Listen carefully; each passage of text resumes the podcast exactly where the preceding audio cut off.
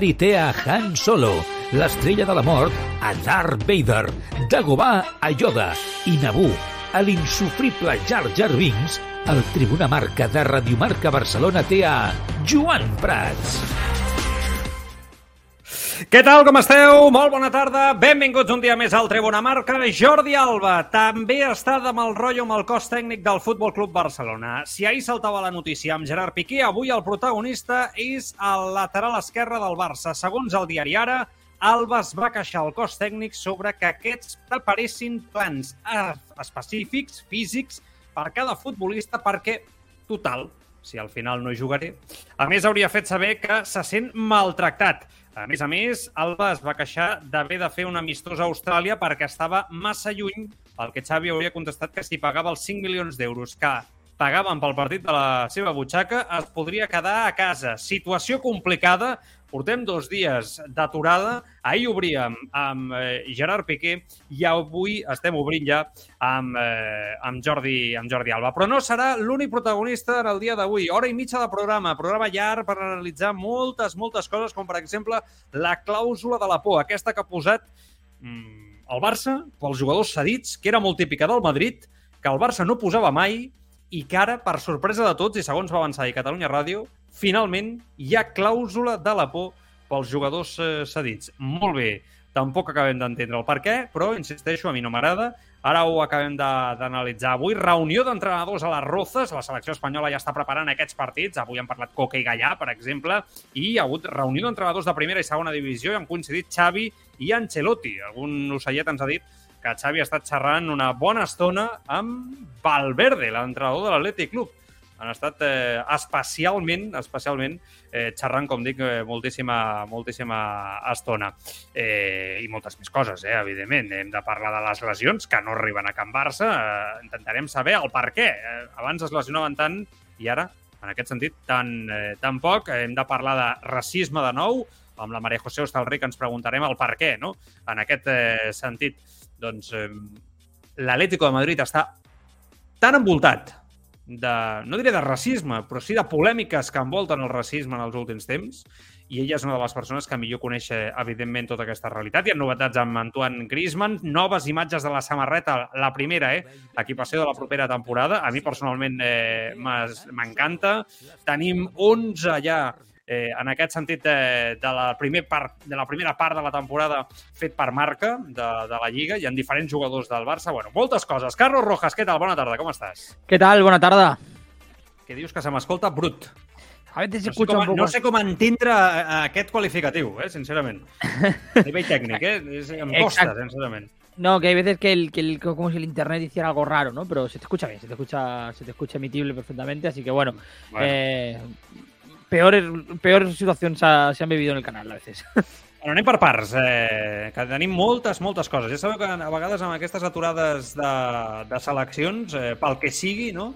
Eh, ostres, eh, comencen a sortir notícies, comencen a sortir protagonistes, parlen els jugadors de les seves respectives seleccions, eh, s'espera tot i que peti, no?, precisament en aquest moment, i, i, i peta i de quina, i com dic, de quina, de quina manera, no? Però eh, ara, perquè ha parlat també Bradway de, de la seva etapa al Barça, Memphis Depay, bueno, insisteixo, amb molts inputs de jugadors del Barça en els diferents punts de les seleccions i donant molts punts de vista. Però per començar amb el que hem començat, amb el tema de Jordi Alba, Eh, I saludem, eh, especialment a tots els que ens esteu escoltant a través del Twitch, eh, ara en directe, a través del canal de YouTube. Eh, bona tarda a l'Ivan San Juan, al Juanito Guapito, el Palala 777, que esteu en aquest horari avui de, de, de tarda, no? Eh, una mica més, eh, més aviat. Evidentment, si esteu escoltant el programa en directe, pues, eh, també cap problema. Eh, us saludem a tots a través del podcast. Tots saludats, eh? A totes les plataformes, que, que jo ja, insisteixo, com que dic cada dia, em perdo ja amb tantes plataformes que, que surti el programa i a on sortim. Jo, el de Jordi Alba, sincerament, em fa, em fa pena. Jo crec que la paraula que trobaria seria que em fa pena. Mm. Em fa pena perquè, perquè em sembla, sincerament, que, que el cos tècnic està fent una gran feina, que Jordi Alba mm, ha rebut molt per part del Barça, li ha donat tot, i trobar-nos amb, ahir amb la notícia de Piqué, no? que, que Xavi t'hagi de cridar l'atenció, no? quan ets un, un pal de paller d'aquest club, al, al cap i a la fi, un dels capitans, no? Que ara Jordi Alba, no? Avui, avui anem amb Jordi Alba, no? A veure què serà demà. Avui anem amb Jordi Alba, que, que es va queixar el cos tècnic sobre que es preparin plans específics quan es fan per tots els jugadors. De fet, una de les coses que ha fet Xavi a la seva arribada al Barça, Carlos, és precisament preparar plans específics per tots els futbolistes, no? a nivell de, eh, doncs de control i perquè no tothom és igual, no tothom treballa igual, no tothom s'adapta al físic de la mateixa manera o l'exigència física de la mateixa manera i a partir d'aquí, insisteixo, trobem completament normal que això es faci i et trobes amb que el jugador reacciona d'aquesta manera. Bueno, jo crec que no fa, no fa falta afegir massa més. Jo crec que s'explica per si sol i explica moltes coses. Per mi explica moltes coses dels últims temps. Més enllà del rendiment sobre la gespa, que pot ser millor o pot ser pitjor, però l'actitud, l'actitud a la vida és molt important i a la feina i als grups de treball. Y bueno, que esta es la actitud. Austràlia, no me da la gana de ir. Vaya mierda, nos vamos a, nos vamos a Austràlia. No tens, no tens visió de club, només admires a tu mateix. No tens visió d'empresa global, només admires a tu mateix. Vale? Pues ok.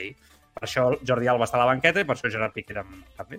Hmm. Eh, yo creo que al final, eh, bueno, yo no soy ningún psicólogo, evidentemente, pero si nos ponemos a analizar el comportamiento, ahora personalizándolo en Jordi Alba, en estos últimos años, hay un patrón muy claro que es eso, ¿no? La, desgana. Ahora se, se, está expresando de esta forma porque no está jugando, ¿no? Pero en los últimos años, pues por suerte o por desgracia, era intocable, ¿no? En el Barça y en muchos partidos, pues se le ha visto con esa actitud derrotista, ¿no? Todos recordamos el vídeo del descanso de Anfield llorando, ¿no? O, cuando, ¿no? lo de la, Copa del Rey, ¿no? Posteriormente. Vaya, hemos visto un montón de, de, situaciones con Jordi Alba que no han sido quizá el mejor ejemplo y la actitud adecuada. Ahora es una situación inédita para él, es decir, está siendo suplente, está perdiendo protagonismo y no lo está llevando bien. También es cierto que en este caso la transición se está dando de una forma más agresiva ¿no? que con otros eh, jugadores. Es un futbolista que pasa de jugar todos los minutos, aunque juegue mal, a de repente no tener un jugador por delante, sino tener dos.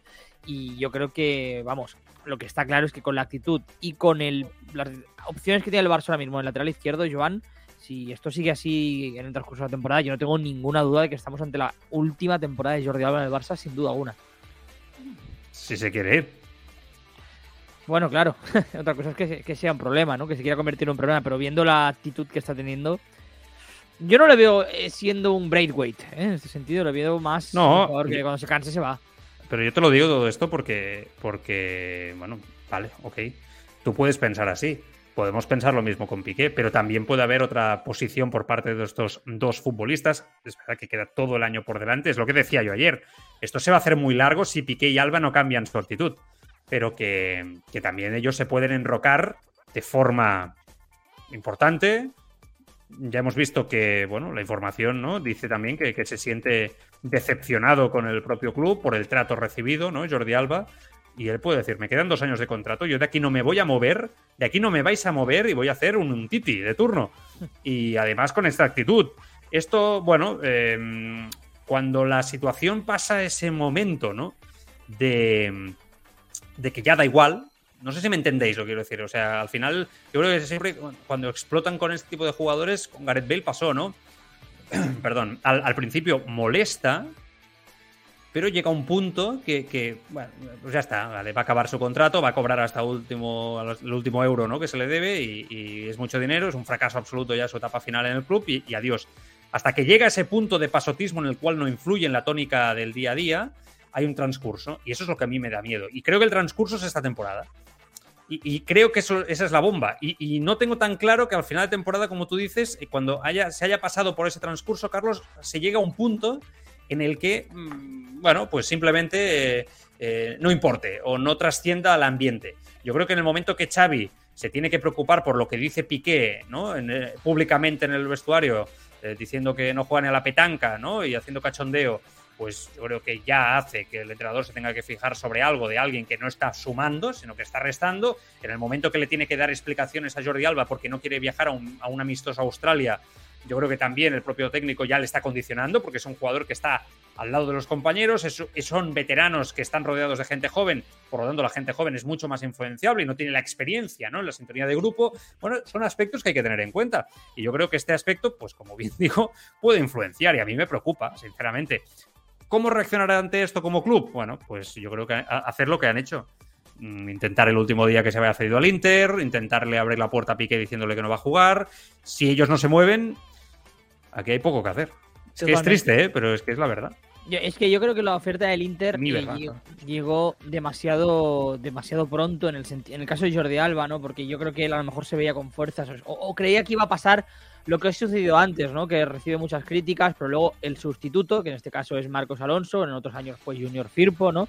Eh, no está a la altura y que al final acaba jugando, ¿no? No, no sé si Jordi Alba contaba con la mm, irrupción de Valde, por ejemplo, pero bueno, en cualquier caso la situación es muy diferente a otras temporadas, es inédita para él y, insisto, yo creo que por mucho que su actitud no sea buena, por mucho que genere esta, eh, tanto él como Piqué, ¿no? Pero hoy que estamos hablando de Alba, eh, esta apatía en el vestuario, a mí es un jugador que me da la sensación que cuando se vea que no juega por su forma de llevar las cosas se, querrá ir por orgullo, ¿no? Porque yo creo que él siempre se ha visto eh, se, ha visto al mismo nivel, ¿no? Desde 2013, ¿no? Mm, yo siempre pensé eso, pero ahora ya no lo tengo tan claro, Carlos. No, no, yo no lo quiero decir que yo a Jordi Alba me parece un jugadorazo, ¿eh? Me ha parecido un jugadorazo del Barça, pero yo creo que él nunca se ha visto parte del problema. A mí me da esa sensación, ¿eh? me transmite un poco su, actitud, sino que él está ahí, que le ha tocado recibir, ¿no? Como parte del, núcleo duro del vestuario.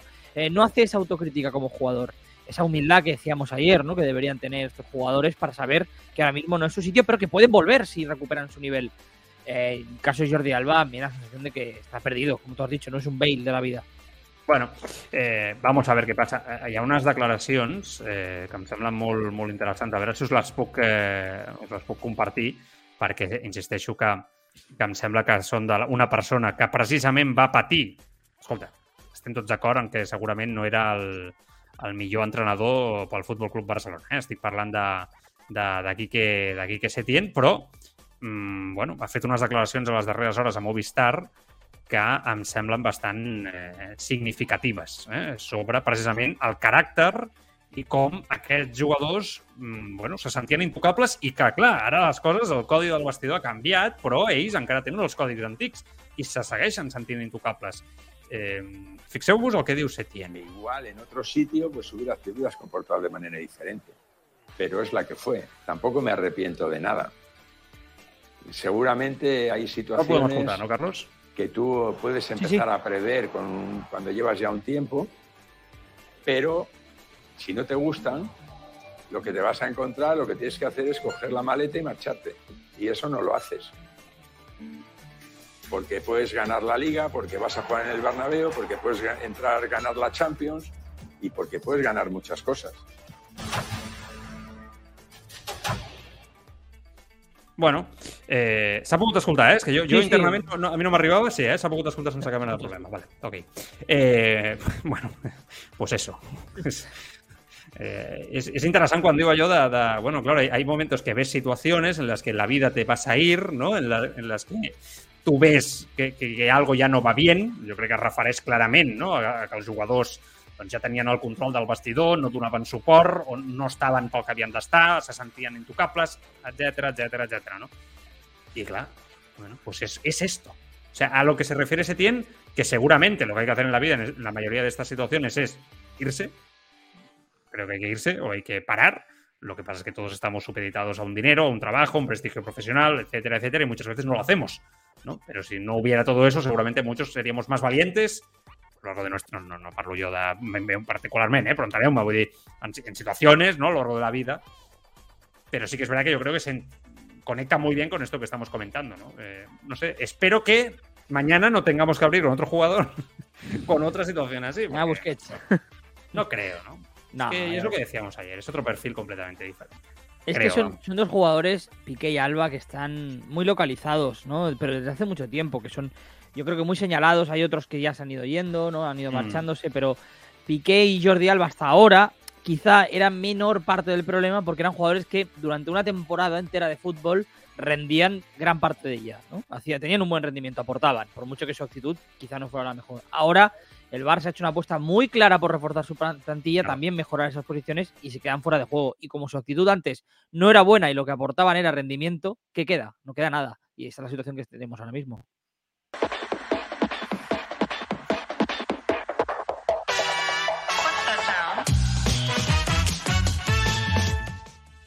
Precisament, l'altre, L'altre, el tercer, el cas de Sergio Busquets. Eh, avui hi ha una notícia al Marca de Luis Fernando Rojo on torna a afirmar allò que nosaltres ja també ja us vam explicar la temporada passada. De fet, és que insisteixo, el seu entorn ho ha deixat molt clar.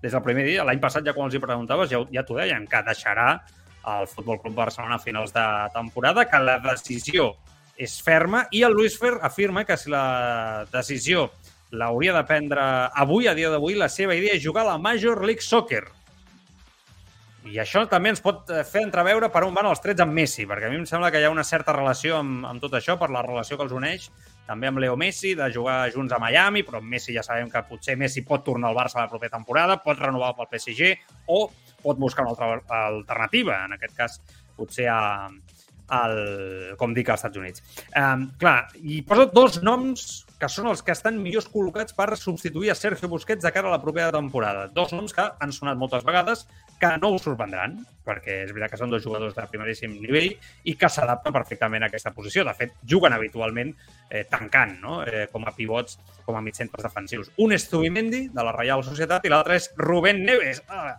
ahir, precisament, parlàvem, eh, parlàvem d'ell. Zubimendi, clàusula de 60 milions d'euros, preu de mercat estaria sobre els 40 milions, futbolista que fa temps que el Barça segueix de, de ben a prop, i el cas de Rubén Neves, del Wolverhampton, se situa el preu de mercat en uns 40 milions d'euros eh, també, i el factor Mendes, eh, Jorge Mendes pel davant, és el representant del futbolista, un dia més, una persona que té una excel·lent relació no? amb, el propi, amb el propi Futbol Club Barcelona, especialment amb Joan Laporta. Dit això, queda per veure què passaria amb Nico i amb Frenkie. Eh, bueno, potser és un bon moment ara ja per parlar del debat del mig centre. Ahir ja ho comentàvem, precisament ahir jo posava el nom de, de Neves, no tornarem a fer el programa d'ahir i no tornarem a repetir tot el que ja vam repetir ahir. El tema de Zubimendi, jo sé, per exemple, que el David Bernabéu, que ho ha dit moltes vegades i, i jo sempre me l'escolto amb molta atenció, a ell li agrada molt, és, és un futbolista molt interessant, eh, però no sé si per aguantar la pressió de substituir a tot un Sergio Busquets al Barça i que aguantar aquesta pressió. Ho dic perquè ara em ve al cap, si és injust, no? El cas de Yarramendi en el seu dia al Madrid i la pressió el va superar d'una manera no? eh, impressionant, no? No sé a qui tenia que substituir Yarramendi en su dia, no sé, ara no m'acordo exactamente a qué jugador en la posición tenía bueno, que... llegó el verano que se va que se va Xavi Alonso, pero no, no estaba... Sí, un poco bueno, por ahí, no, no, perdón, perdón, no llegó ese verano, llegó el anterior, ahora que caigo. Pero bueno, es, era un poco esa presión del futuro sí. Xavi Alonso, ¿no? Se jugaba Tenía un poco porque Dira, ese... básicamente, porque Dira estaba Sí. ya lesionado. Claro. Se jugaba un poco con esa presión, ¿no? Del, del nuevo titular indiscutible en la posición, ¿no? Y que no fue así. Al final no- fracasó el chaval, buen jugador, ¿eh? Yarramendi, pero no soportó precisamente verse expuesto a esa, esa presión. Y un poco me puede pasar con, con Zubimendi, ¿no? Eh, que es un jugador muy interesante, eh, pero, bueno, un futbolista joven de 23 años. Bueno, vamos a ver, ¿no? A mí Neves yo ya dije ayer que me gusta, aunque sí que es verdad que reconozco que no es tan técnico, por ejemplo, con el balón en los pies como, como Zubimendi. Y, y el tema Busquets, eh, ya veremos dónde acaba. ¿no? Yo creo que es pronto incluso aún para especular, aunque el tema de Miami, Beckham y la Major League Soccer siempre estaba ahí. Eso no Sí, es nada sí. nuevo, ¿no? No, no. Eh, eh, veo que Jorginho se ha quedado fuera eh, de la. de la Bueno, no, a mí, a mí, bueno, a mí es que me, incluso, bueno, ya, es que no voy a volver a decirlo otra vez lo de ayer. Me gusta más Kanté por su polivalencia, aunque ya no juegue ahí, que el propio Jorginho, otra vez lo, lo de ayer. Pero bueno, eh, ahí están. ¿no? Yo creo que de, de las dos, seguramente la, la que el mercado te va a dar más garantías es Rubén Neves, ¿no? Por, porque es un jugador que está mucho más contrastado. La opción Zubimendi, pues es una moneda al aire, un poco con lo que, lo que tú comentabas. Como jugador, yo creo que no hay ninguna duda, ¿no? Que, que es un futbolista que, que por características puede encajar. Ahora el salto de nivel es importante. Eso yo creo que se vio, lo decías tú, como con Iyarra, ¿no? En la temporada 2013-14. Evidentemente, en el perfil, por mucho que los dos sean de la Real y vascos, no significa que sean y Ujú. jueguen en mi posición sean la misma persona, ¿no? Y yo creo que aquí hay un trabajo que tiene que hacer la Secretaría Técnica del Barça, que es saber cómo manejaría la presión, intentar, ¿no? Cómo es eh, eh, su carácter, si es una persona reservada, era una persona, por ejemplo, Yarramendi tenía muy poco carácter, ¿no? Era un jugador eh, muy endeble en ese sentido y es- yo creo que la noche de Dortmund se vio. Y en el caso de, de, de Rubén Neves, yo creo que es un jugador que tú lo decías ayer, precisamente lo que aporta, además de su fútbol, es una personalidad tremenda, ¿no? Como jugador, es un líder nato.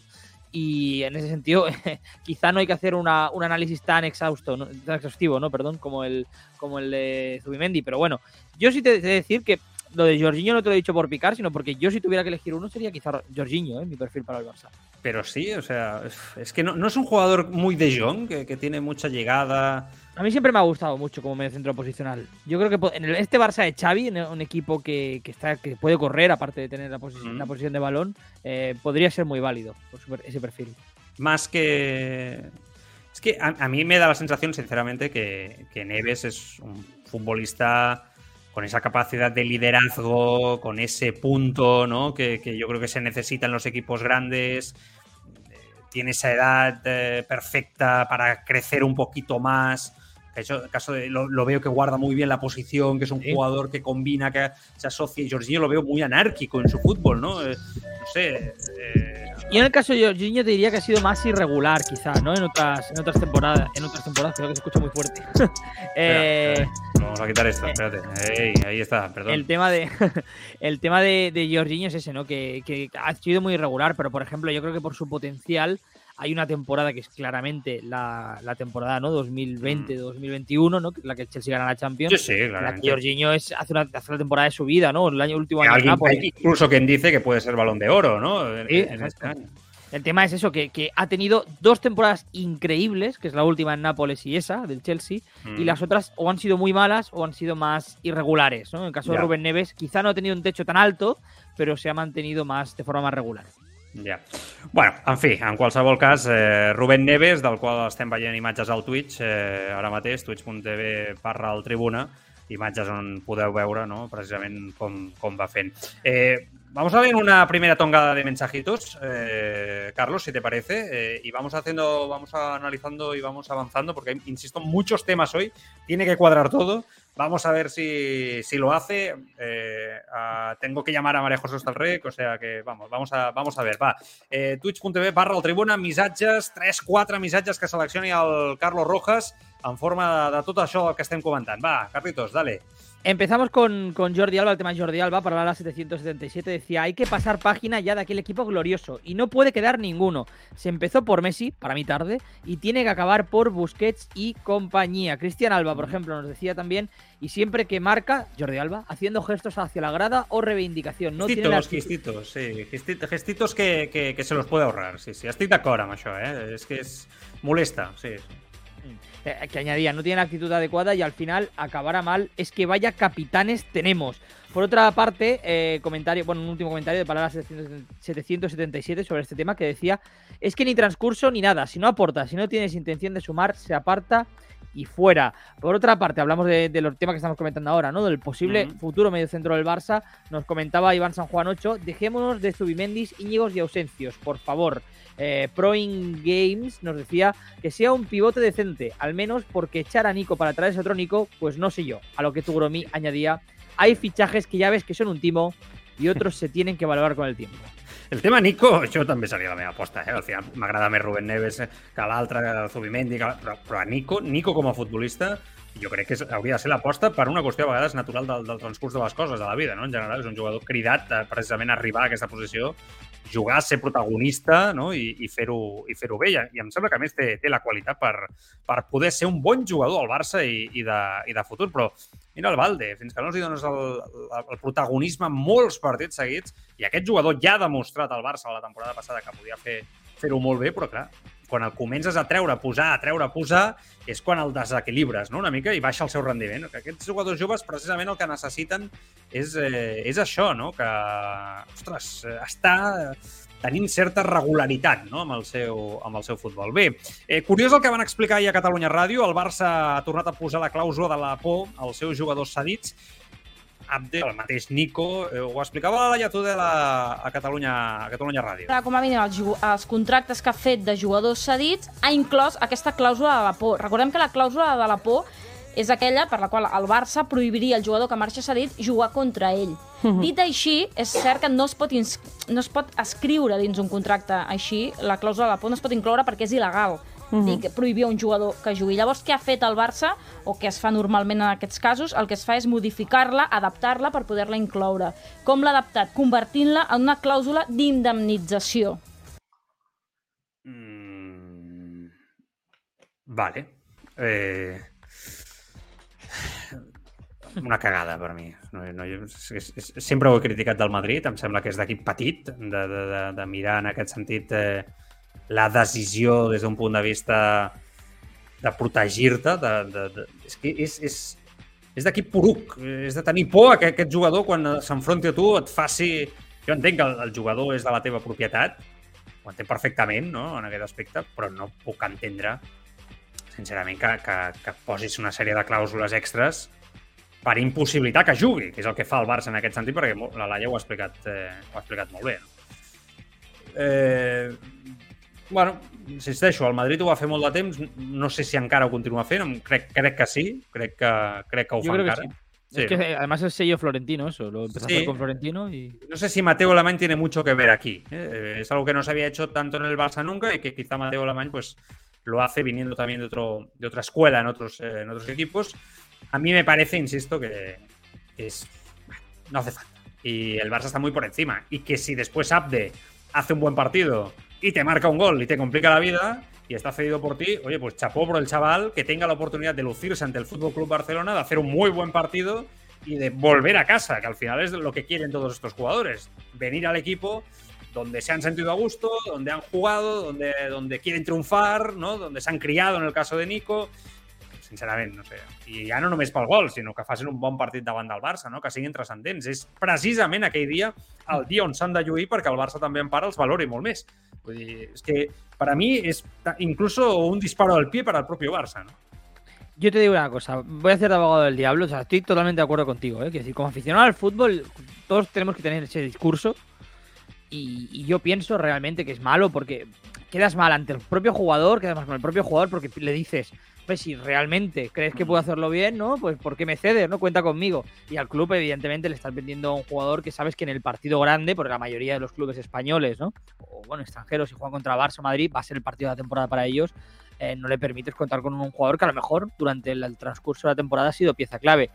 Pero haciendo de abogado del diablo, yo creo que para el Barça y el Madrid es muy fácil hacer esto. O sea, quiero decir, tú piensas como gestor de tu club de fútbol y dices, eh, tengo a 10 equipos preguntándome por Abde, que es lo que le pasó al Barça, ¿no? Este verano.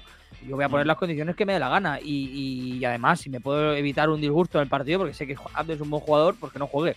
Pero al final, haciendo esa gestión egoísta totalmente, y para mí, eh, poco ética, ¿no? de, del club, pero realmente pues, es efectiva para los intereses del Barça. Realmente, si nos ponemos a mirar desde el punto de vista únicamente blaugrana, para el Barça le sale muy rentable que Abde no juegue contra ellos, ¿no? O Nico, o todos los jugadores que hace. Sí, Carlos, pero si al final si no es una cuestión de rentabilidad, que yo eso te lo puedo entender y te lo puedo llegar hasta comprar, ¿no? Si nos ponemos puristas, ¿no? Sí, sí. A nivel simplemente de, de lo mejor para un club, a nivel del momento, del presente, de, la liga, de la competición, de ganar, de, de evitar, eh, ¿no? De tener, intentar, o intentar, porque yo creo que todo es imposible tenerlo, pero de intentar tenerlo controlado todo, ¿no? En lo que rodea a un equipo, puedo entender esa postura que tú esgrimes y que, y que valoras. Pero sinceramente, o sea, yo creo que hay situaciones que van mucho más allá del control por el resultado final, ¿no? De, de una temporada, etcétera, sino que, que precisamente cuando tú cedes a un futbolista es para que crezca, para que, que ver cómo evoluciona, ¿no? Sobre todo en, en, estos casos con Abde y Nico, hay cesiones que son para sacártelos de encima porque no hay, no hay manera, ¿no? Y son un problema. Pero, pero en este caso, con estos jugadores, lo que quieres es que se luzcan, que crezcan para que puedan volver al Barça, porque eso te va a ser rentable para ti. Y si ese día demuestran tener la personalidad, tener la, la calidad para salirse ante el Barça, es algo que también vas a recoger tú y que después, oye, se trata de que eh, de que hay equipos más grandes que otros a nivel de su historia, a nivel de su, institución, a nivel, a nivel, de su mensaje, y que, cuñón, es que, no sé, Barça y Madrid yo creo que deben de estar por encima de esto. Creo, creo. Sí, sí, sí, no, estoy totalmente de acuerdo. Además, ahora comentaba ¿no? alguien por el chat que eh, si no hubiera hecho el partido que hizo Iñaki Peña, ¿no? Ante el Barça este claro, Europa League, por fíjate ejemplo, el ejemplo que bueno. Mira, muy sí, buen ejemplo. Es buenísimo este ejemplo del, del, oyente. O sea, me parece fantástico. O sea, Iñaki Peña seguramente si no se llega a salir con el Galatasaray en, la, en esa cesión, hoy no sería el segundo portero del Barcelona. Seguramente nunca hubiera vuelto. Porque era muy difícil ya con la situación en la que estaba, aún la, teniendo en cuenta la calidad de Iñaki Peña, que ha sido un portero que yo creo que ha, pu ha, puesto también en situación de alarma al propio Ter, Stegen, que lo conocía de haber entrenado con él y ver cómo estaba evolucionando el, el propio portero. Bueno, pues ahí está. Bueno, sin duda una de les notícies del dia eh? I, i del que més s'ha comentat eh, en aquesta informació que va avançar Catalunya Ràdio. Eh, un tema que és important també en aquest inici de temporada. Pràcticament no es lesiona ningú. Us heu adonat d'això? Pràcticament no es lesiona ningú a Can Barça. Lesions eh, importants, cap. El, problemes musculars, alguna estrabada, algun problema puntual, però res a veure amb el que passava fa un any, o quina era la situació de, de, any, de, de fa un any, on es lesionava tothom, la dinàmica de resultats era horrible eh, i tot, tot plegat, insisteixo. Eh, jo crec que les coses es fan bé, es treballa bé i que segurament doncs, eh, el risc de lesions es redueix de forma, de forma important. Ahir la Ruth Vilà va detallar tres pilars d'aquest èxit de, del, del Barça a nivell d'evitar de, les lesions, de l'equip, del cos tècnic, del treball que s'està fent des de l'arribada de Xavi Hernández.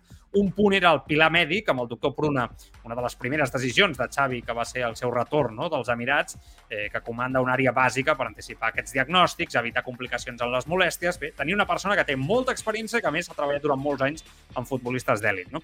Pilar de la preparació física, branca gestionada pel també terrasenc, igual que Xavi, Ivan Torres, ajudant de confiança des de l'etapa eh, ja del principi com a entrenador no? de, de Xavi Hernández a, a Qatar, bueno, una bona preparació física, una bona, en aquest cas, pretemporada, cosa que Xavi no havia pogut fer tampoc no? amb el seu equip. El Barça torna a treballar seriosament en aquest sentit. I després els fisios, no?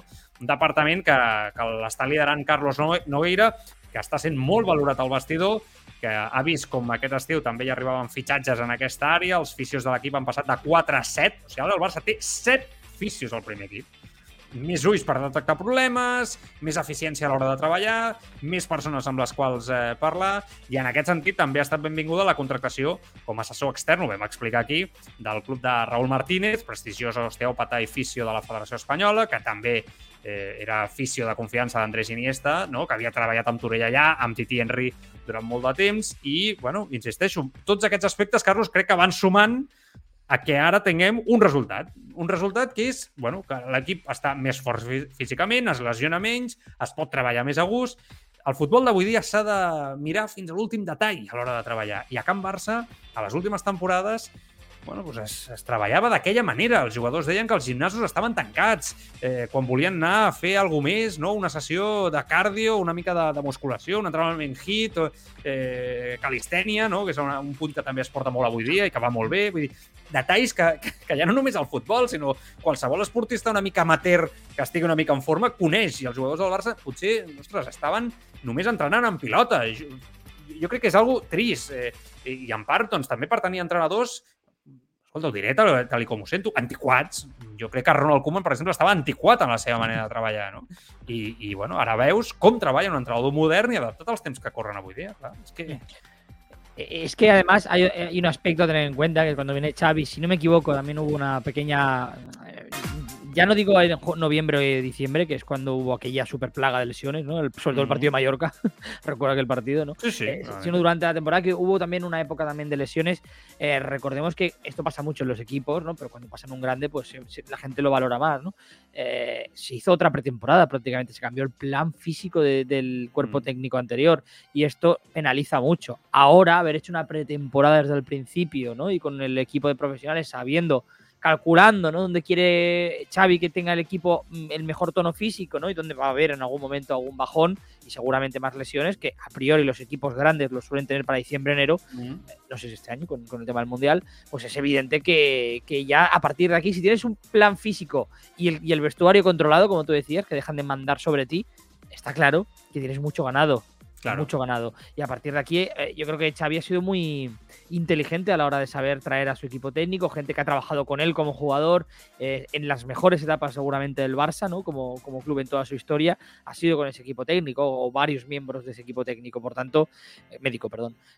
yo creo que, que es un acierto. Y a partir de aquí, estamos en septiembre, en la temporada es larga, luego si hay una racha de lesiones brutales, porque yo lo digo porque muchas veces con el Atleti de, de, Simeone, ¿no? Se ha dicho muchas veces que el profe Ortega es un crack, es un crack, que no veas cómo trabaja el profe Ortega, cómo los pone a correr por Los Ángeles de San Rafael, pero luego llegaba, sí, pero luego llegaba abril, mayo y, toda la plantilla lesionada.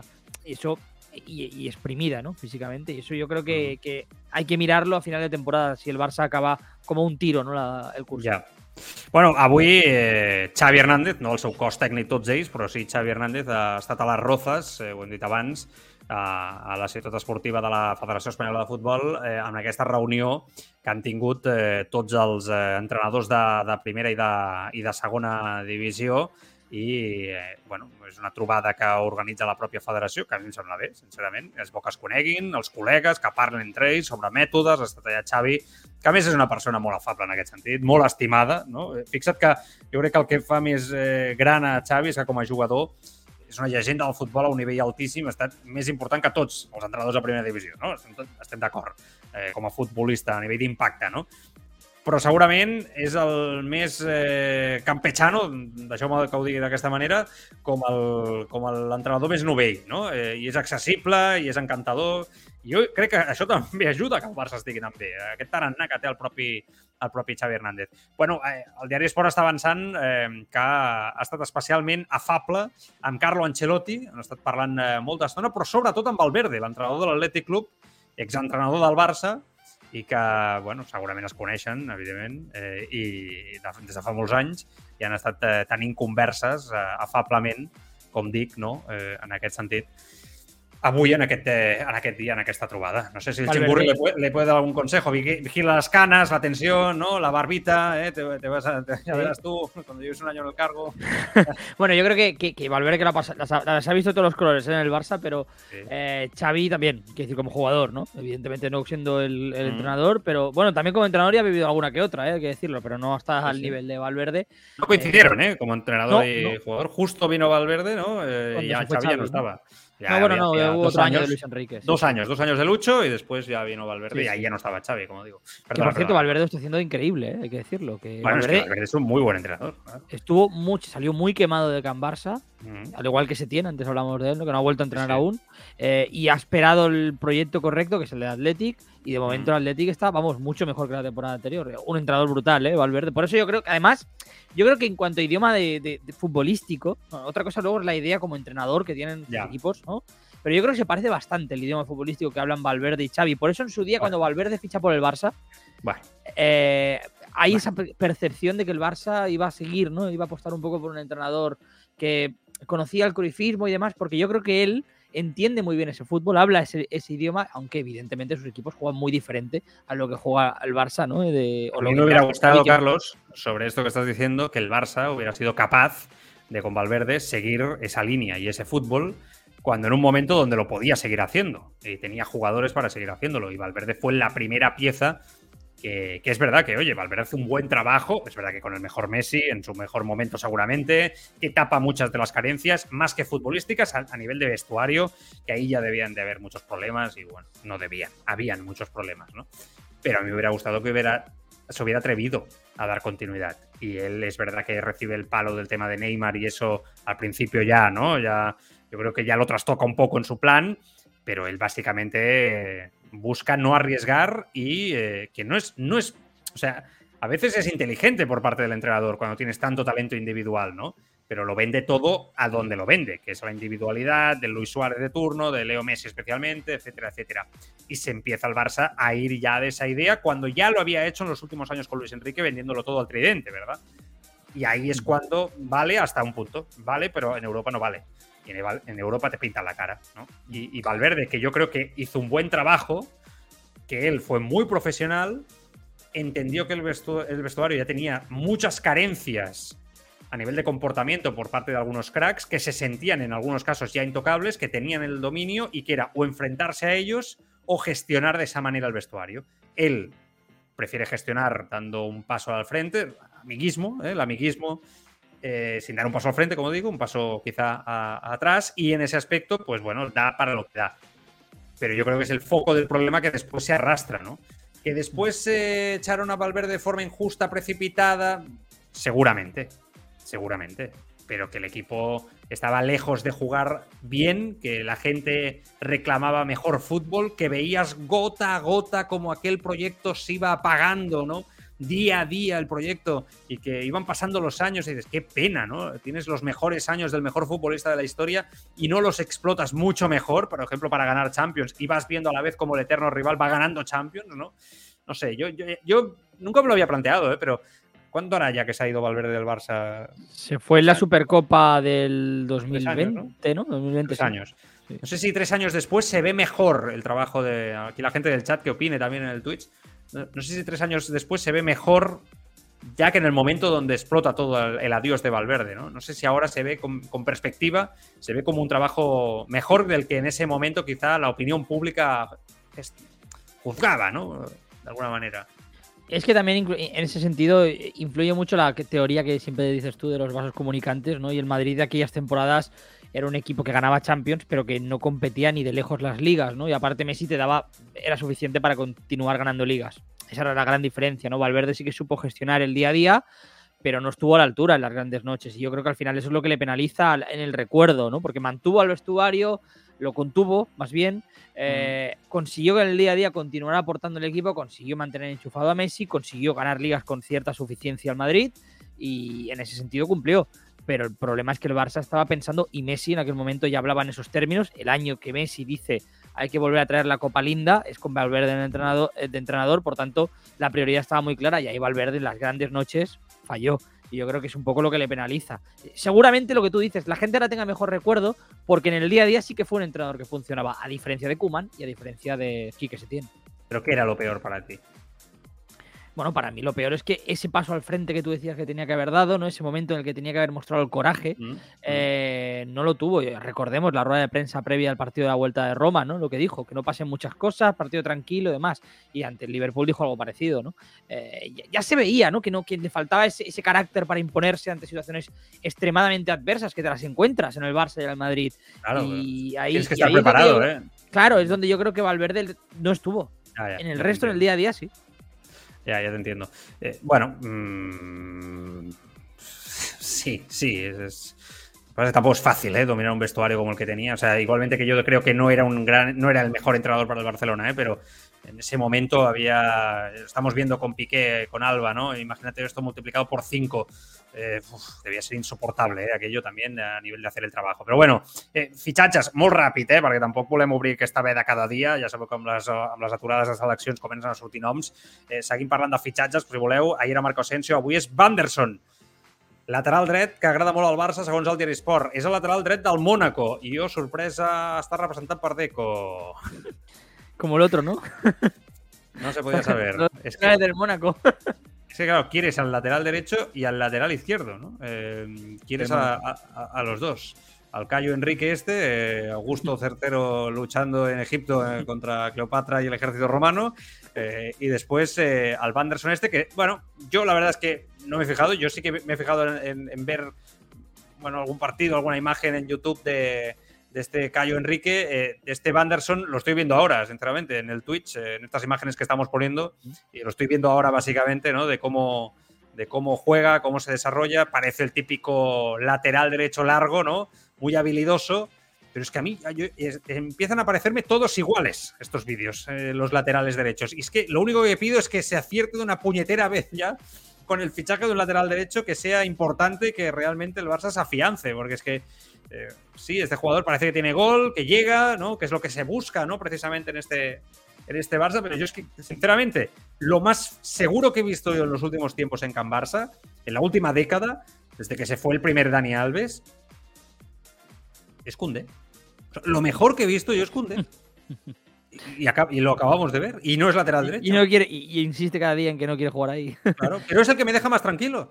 O sea, de momento es el que me, dice, me deja a mí mucho más tranquilo. bueno, en este caso, eh, yo no sé si porque Deco está, está, creciendo mucho como agente y no nos estamos enterando, ¿no? o, está trayendo jugadores muy interesantes para su agencia, o porque, bueno, una cuestión de amiguismo se acabará viendo. Yo he caído Enrique, tenía esas buenas referencias, Vanderson. Eh, leído un poco de todo, ¿no? Leí que la temporada pasada le costó un poco arrancar, que es un futbolista que tiene una proyección ofensiva brutal. O sea, de mm. hecho, mm, me parece más extremo que, que, por ejemplo, ¿no? Cayo Enrique, y eso que también se, se proyecta muy bien en ataque siempre se ha dicho eso mucho de él, ¿no? Es que el Mónaco también hay que tener en cuenta que juega con carrileros, ¿no? Que son jugadores que no es lo mismo que, un lateral. Y ahí Cayo Enrique en el Barça habría que verlo a la hora de correr hacia atrás. Para correr, a la hora de correr hacia adelante es un jugador potente, con un buen disparo, eh, aporta muchísimo ofensivamente, ha crecido mucho la última temporada, acabó muy bien la temporada, pero está claro que. lo voy a comprar, el salto, lo sigues vendiendo así. El salto al Barça es, importante, pero bueno, que quiere decir que los dos jugadores tienen buena reputación, ¿eh? No es un caso traffic de años anteriores, mucho menos. Lo que pasa es que tampoco me parece que haya tanta diferencia con Des. Volvemos siempre, acabamos en el mismo lugar. Eh... A Des también nos parecía increíble, ¿no? Cuando el Barça lo. Pero es que son jugadores por hacer, Carlos. claro, claro. Pero en el Ajax, en el Mónaco, pero que después esto es el Barça y esto es otra cosa. Y ese es el tema, ¿no? Y de, y de, de esto va, ¿no? Precisamente. Eh, paraules de Memphis Depay des de, des de la selecció desde la selección de Países Bajos, digo, en verano vinieron otros clubes y luego solo miras tus opciones, así que decidí luchar por mi oportunidad en el Barça. Me encanta la competencia y no me alejo de ella, me gusta estar en el Barça. Bueno, pues precisament és això el caràcter al qual es referia el cos tècnic, no? Eh, que agrada tant a Xavi i al seu equip. No? Un jugador desahuciat, que no agrada a priori al cos tècnic, que a priori anava a sortir, se iba a ir del Barça, y que se acaba, pues como digo, pues eh, quedando, luchando por el puesto y con esta mentalidad. Es verdad que he escuchado por ahí también alguna declaración de Luis Van Gaal pidiendo más minutos para él, ¿no? En la selección de Países Bajos. Y también para De Jong. No, yo en el caso de De Jong más, en el caso de Memphis lo veo difícil. O sea, yo creo que Memphis, el tope que tiene para ganarse el puesto como titular, digamos, o ser más protagonista, yo creo que podía superar a Ansu Fati por sus circunstancias actuales podía superar a Ferran Torres porque está decepcionando, claramente, aún, yo digo siempre, añado, paciencia, son jugadores muy jóvenes, pero creo que ya no va a poder superar a Dembélé y a Rafinha. Estos dos sí que los veo que, están claramente por delante de Memphis, eh, incluso a nivel de calidad individual me refiero. ¿eh? Y Totalmente. Es que Memphis, por mucho que haya, que, lo, que ayer eh, mismo no estamos alabando un poco lo, bien que se ha mm. repuesto a esa situación en el club, es un jugador que tiene un techo y a mí siempre me ha dado la, la sensación, incluso yo recuerdo que lo dije cuando lo fichó el Barça, que, es un futbolista que año pasado a lo mejor al Barça, por la limitación que tenía, pues no le venía mal, pero que en condiciones normales, si el Barça es una superpotencia europea, que es la, condición normal del Barça, en Memphis Depay nunca podría ser titular en el Barça. ¿no? Yo creo que este año que el Barça va camino de recuperar ese estatus, si no lo ha recuperado ya, eh, se está viendo ¿no? que es un jugador que promete, que, que da, que aporta, que puede ser el primer cambio incluso, pero que no mm. te puedes imaginar un Barça, ¿no? De una temporada larga, de muchos partidos, de 60 partidos, con Memphis Depay titular. No, no. de ellos. Pero yo creo que a él ya le vale, ¿eh? O sea, yo creo que Memphis en este rol estaría contento. Y yo creo que el rol que no le vale es ser el sexto. No jugar nada, ¿no? Claro. Eh, Verán Sofati y a Ferran Torres por delante, pero en el rol que está parece empezando a aparecer, yo creo que ahí. Yo creo que a él ya le vale en ese, en ese, en ese rol. Pero insisto, mm, vamos a ver, es un jugador que, claro, es que para lo que quiere Xavi va, todo en contra, ¿no? lo que Claro, claro, se tiene que readaptar su estilo. De todas formas, ahora que estás diciendo lo de Bangal, me parece bien que Bangal como seleccionador no intente presionar, pero que no haya ninguna duda que aunque no juegue de aquí a noviembre, Depay va a ser el delantero titular de Holanda. ¿eh? O, sea, Países Bajos no tiene una opción mejor ahora mismo en esa, en ¿Y quién? ¿Que, que Memphis Depay? ¿sí? Claro, sí, sí, yo creo que va a contar con él seguro, porque ya la, eh, Holanda actualmente ¿no? de, de mm. ha sido con, se ha construido en torno a Depay, ¿no? Arriba, como también la era la de Kuman. Por tanto, yo creo que vamos, no, no habrá ninguna duda. Es curioso porque de Jong y Depay van a ser protagonistas en Países Bajos, seguramente, ¿no? El, look de Jong, ¿eh? me refiero. Los dos delanteros que fueron protagonistas, ¿no? Eh, el año pasado. Ha hablado también Martin eh, eh, declaraciones desde la convocatoria con Dinamarca. Ha dicho el hombre, no sé si lo tomé como acoso, pero no sentí que me presionaran para irme del Fútbol Club Barcelona. Em, sabía que desde hace tiempo que me tenía que ir, quería jugar al fútbol y el entrenador no creía en mi. Vale, ok. Però són declaracions que, que trenquen una mica amb, amb el que intuïem, eh? O sigui, i amb tot el que s'havia dit. A mi em fa la sensació que ens està prenent una mica el pèl, però bueno, és, eh, això mai ho sabrem y estas declaraciones quedan muy bien ahora, pero tú tenías opciones durante todo el verano para irte, no aceptabas y te vas a el último día, te vas al español porque te va de coña ir del español, que sigues viviendo en Barcelona, que era uno de tus objetivos, que oye, que es muy respetable, es una persona con contrato. Pero para mí no cola, No sé, bueno, que da igual, ¿eh? que ahora ya se ha solucionado, pero que podría haber sido otro potencial problema. Yo creo que Martin Bray no se ha visto en otra como esta, ¿no? Jugando en el Barça nunca y. Bueno, no sé el Barça presionó mucho, pero, pero la última frase, bueno, da igual, que tampoco voy a abrir este debate ahora de Martin Braithwaite, que importa poco, ¿no? Eh, pero Es natural que el entrenador no confíe en ti, quiero decir, al igual que, o sea, pasan muchas cosas, ¿no? Eh, mm. Juegas en el Barça, en el Barça tienen que jugar prácticamente con el que dice los 20 mejores del mundo, ¿no? Como aquel que dice. Mm. Eh, está lejos de serlo. Yo creo que tú tienes que hacer autocrítica, como saber dónde estás como persona, ¿no? Y decir, mira, yo puedo ser un jugador muy bueno, he, estado en equipos de primera división en Inglaterra, en España, ¿no? En varios países, pero evidentemente no es lo mismo jugar en primera división que jugar en el Barça. Yo creo que Braithwaite llega a un punto en el que lo tiene que entender y lo ha acabado entendiendo de aquella manera, ¿eh? Yo creo que lo ha entendido a regañadientes, porque si no, sales el 30 de junio, no el 31 de agosto. Sí, tiene, tiene pinta. Uh, us recordem que tenim el grup de Telegram del Tribuna, el podeu buscar, ja, ja podeu fer debat i anar comentant una mica l'actualitat. Ara llegim missatges al grup de, de Twitch, que sé que esteu, que esteu opinant sobre tot el que estem, estem dient. Us anem llegint a tots, eh? eh mentre anem fent el programa, però, però el grup de Telegram, eh? Tribuna Barça, eh? Tribuna Barça és el grup de, de Telegram allà el podeu buscar i comentar l'actualitat del Futbol Club eh, Barcelona. Eh, un tema, i anem amb missatges. Declaracions de Robert Lewandowski. Diu que no esperava que l'afició al revés d'aquesta manera, ho diu a Mundo Deportivo, i que el fa sentir com si portés molts anys al Barça a més, explica que creu que el camí a la pilota d'or és més curt al Barça que al Bayern per la història de l'entitat. I finalment creu que el partit davant del Bayern va ser una lliçó per tots, però que l'equip va mereixer com a mínim empatar. Eh, jo estic molt d'acord amb que jugar a Barça o Madrid històricament és, et posen l'aparador perfecte per guanyar pilotes d'or. Y a mí me parece que hay mucho de esto en el adiós de Lewandowski eh, del Bayern de Múnich.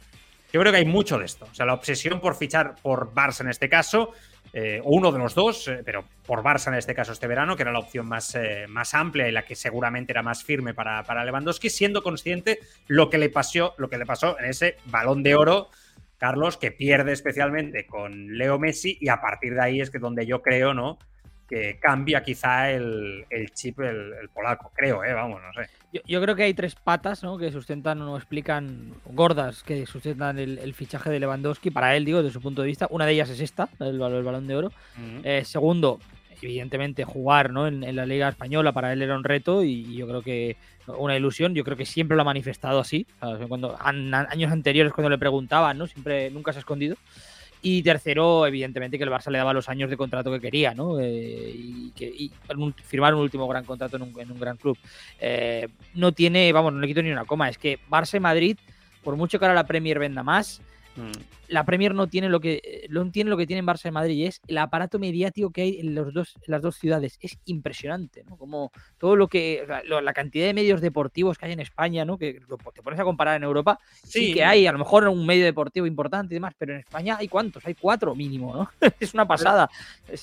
Todo el aparato mediático que hay en Barcelona y Madrid llega mucho con mucha más fuerza a Europa que lo que nos llega a nosotros de, del yo creo que eso habla mal del premio ¿eh? o sea bueno viene mal viene mal porque para pasión de, por el fútbol está ahí. No, quiero decir que haya cuatro grandes diarios en, este país. Dice, no, no, eso no lo critico. Consumen mucho deporte en este país. Sí, sí, sí, eso estamos de acuerdo. Sí, eso te lo compro y es una evidencia. Bueno, nosotros somos parte de ello y lo vemos constantemente, ¿no? Pero que habla mal del premio, que el premio tiene que mantenerse vivo por sí mismo por una evidencia pura y es que Lewandowski merecía ese balón de oro. O sea, yo soy mucho de Messi, pero Lewandowski merecía ese balón de oro. De forma clara, además, para mí. Entonces, el premio tiene que mantenerse en un criterio, cosa que hasta ahora no sabíamos en qué narices cuando a nivel de calendario se cerraba el criterio del premio. Íbamos todos locos no sabiendo exactamente cuándo se cerraba. Eso una. El premio tiene que ser suficientemente sólido para, más allá de la, presión mediática, poderse mantener ¿no? por, sí, por sí mismo firme para poder decidir ¿no? si es Lewandowski, si es Messi, si es quien sea. Pero bueno, no lo es y por eso yo creo que en parte una de las razones es por las que Lewandowski ficha por el Barça. Y oye, bienvenido sea. está, claro que es un fichajazo y, vamos, que es que es, una maravilla. Yo veo ahora, estoy viendo los eh, goles estos que tenemos aquí en imagen puestos, eh, de, los goles que ha marcado con el Barça, y es que, que me quedo embobado, ¿no? Eh, viendo la elasticidad, la, manera como juega.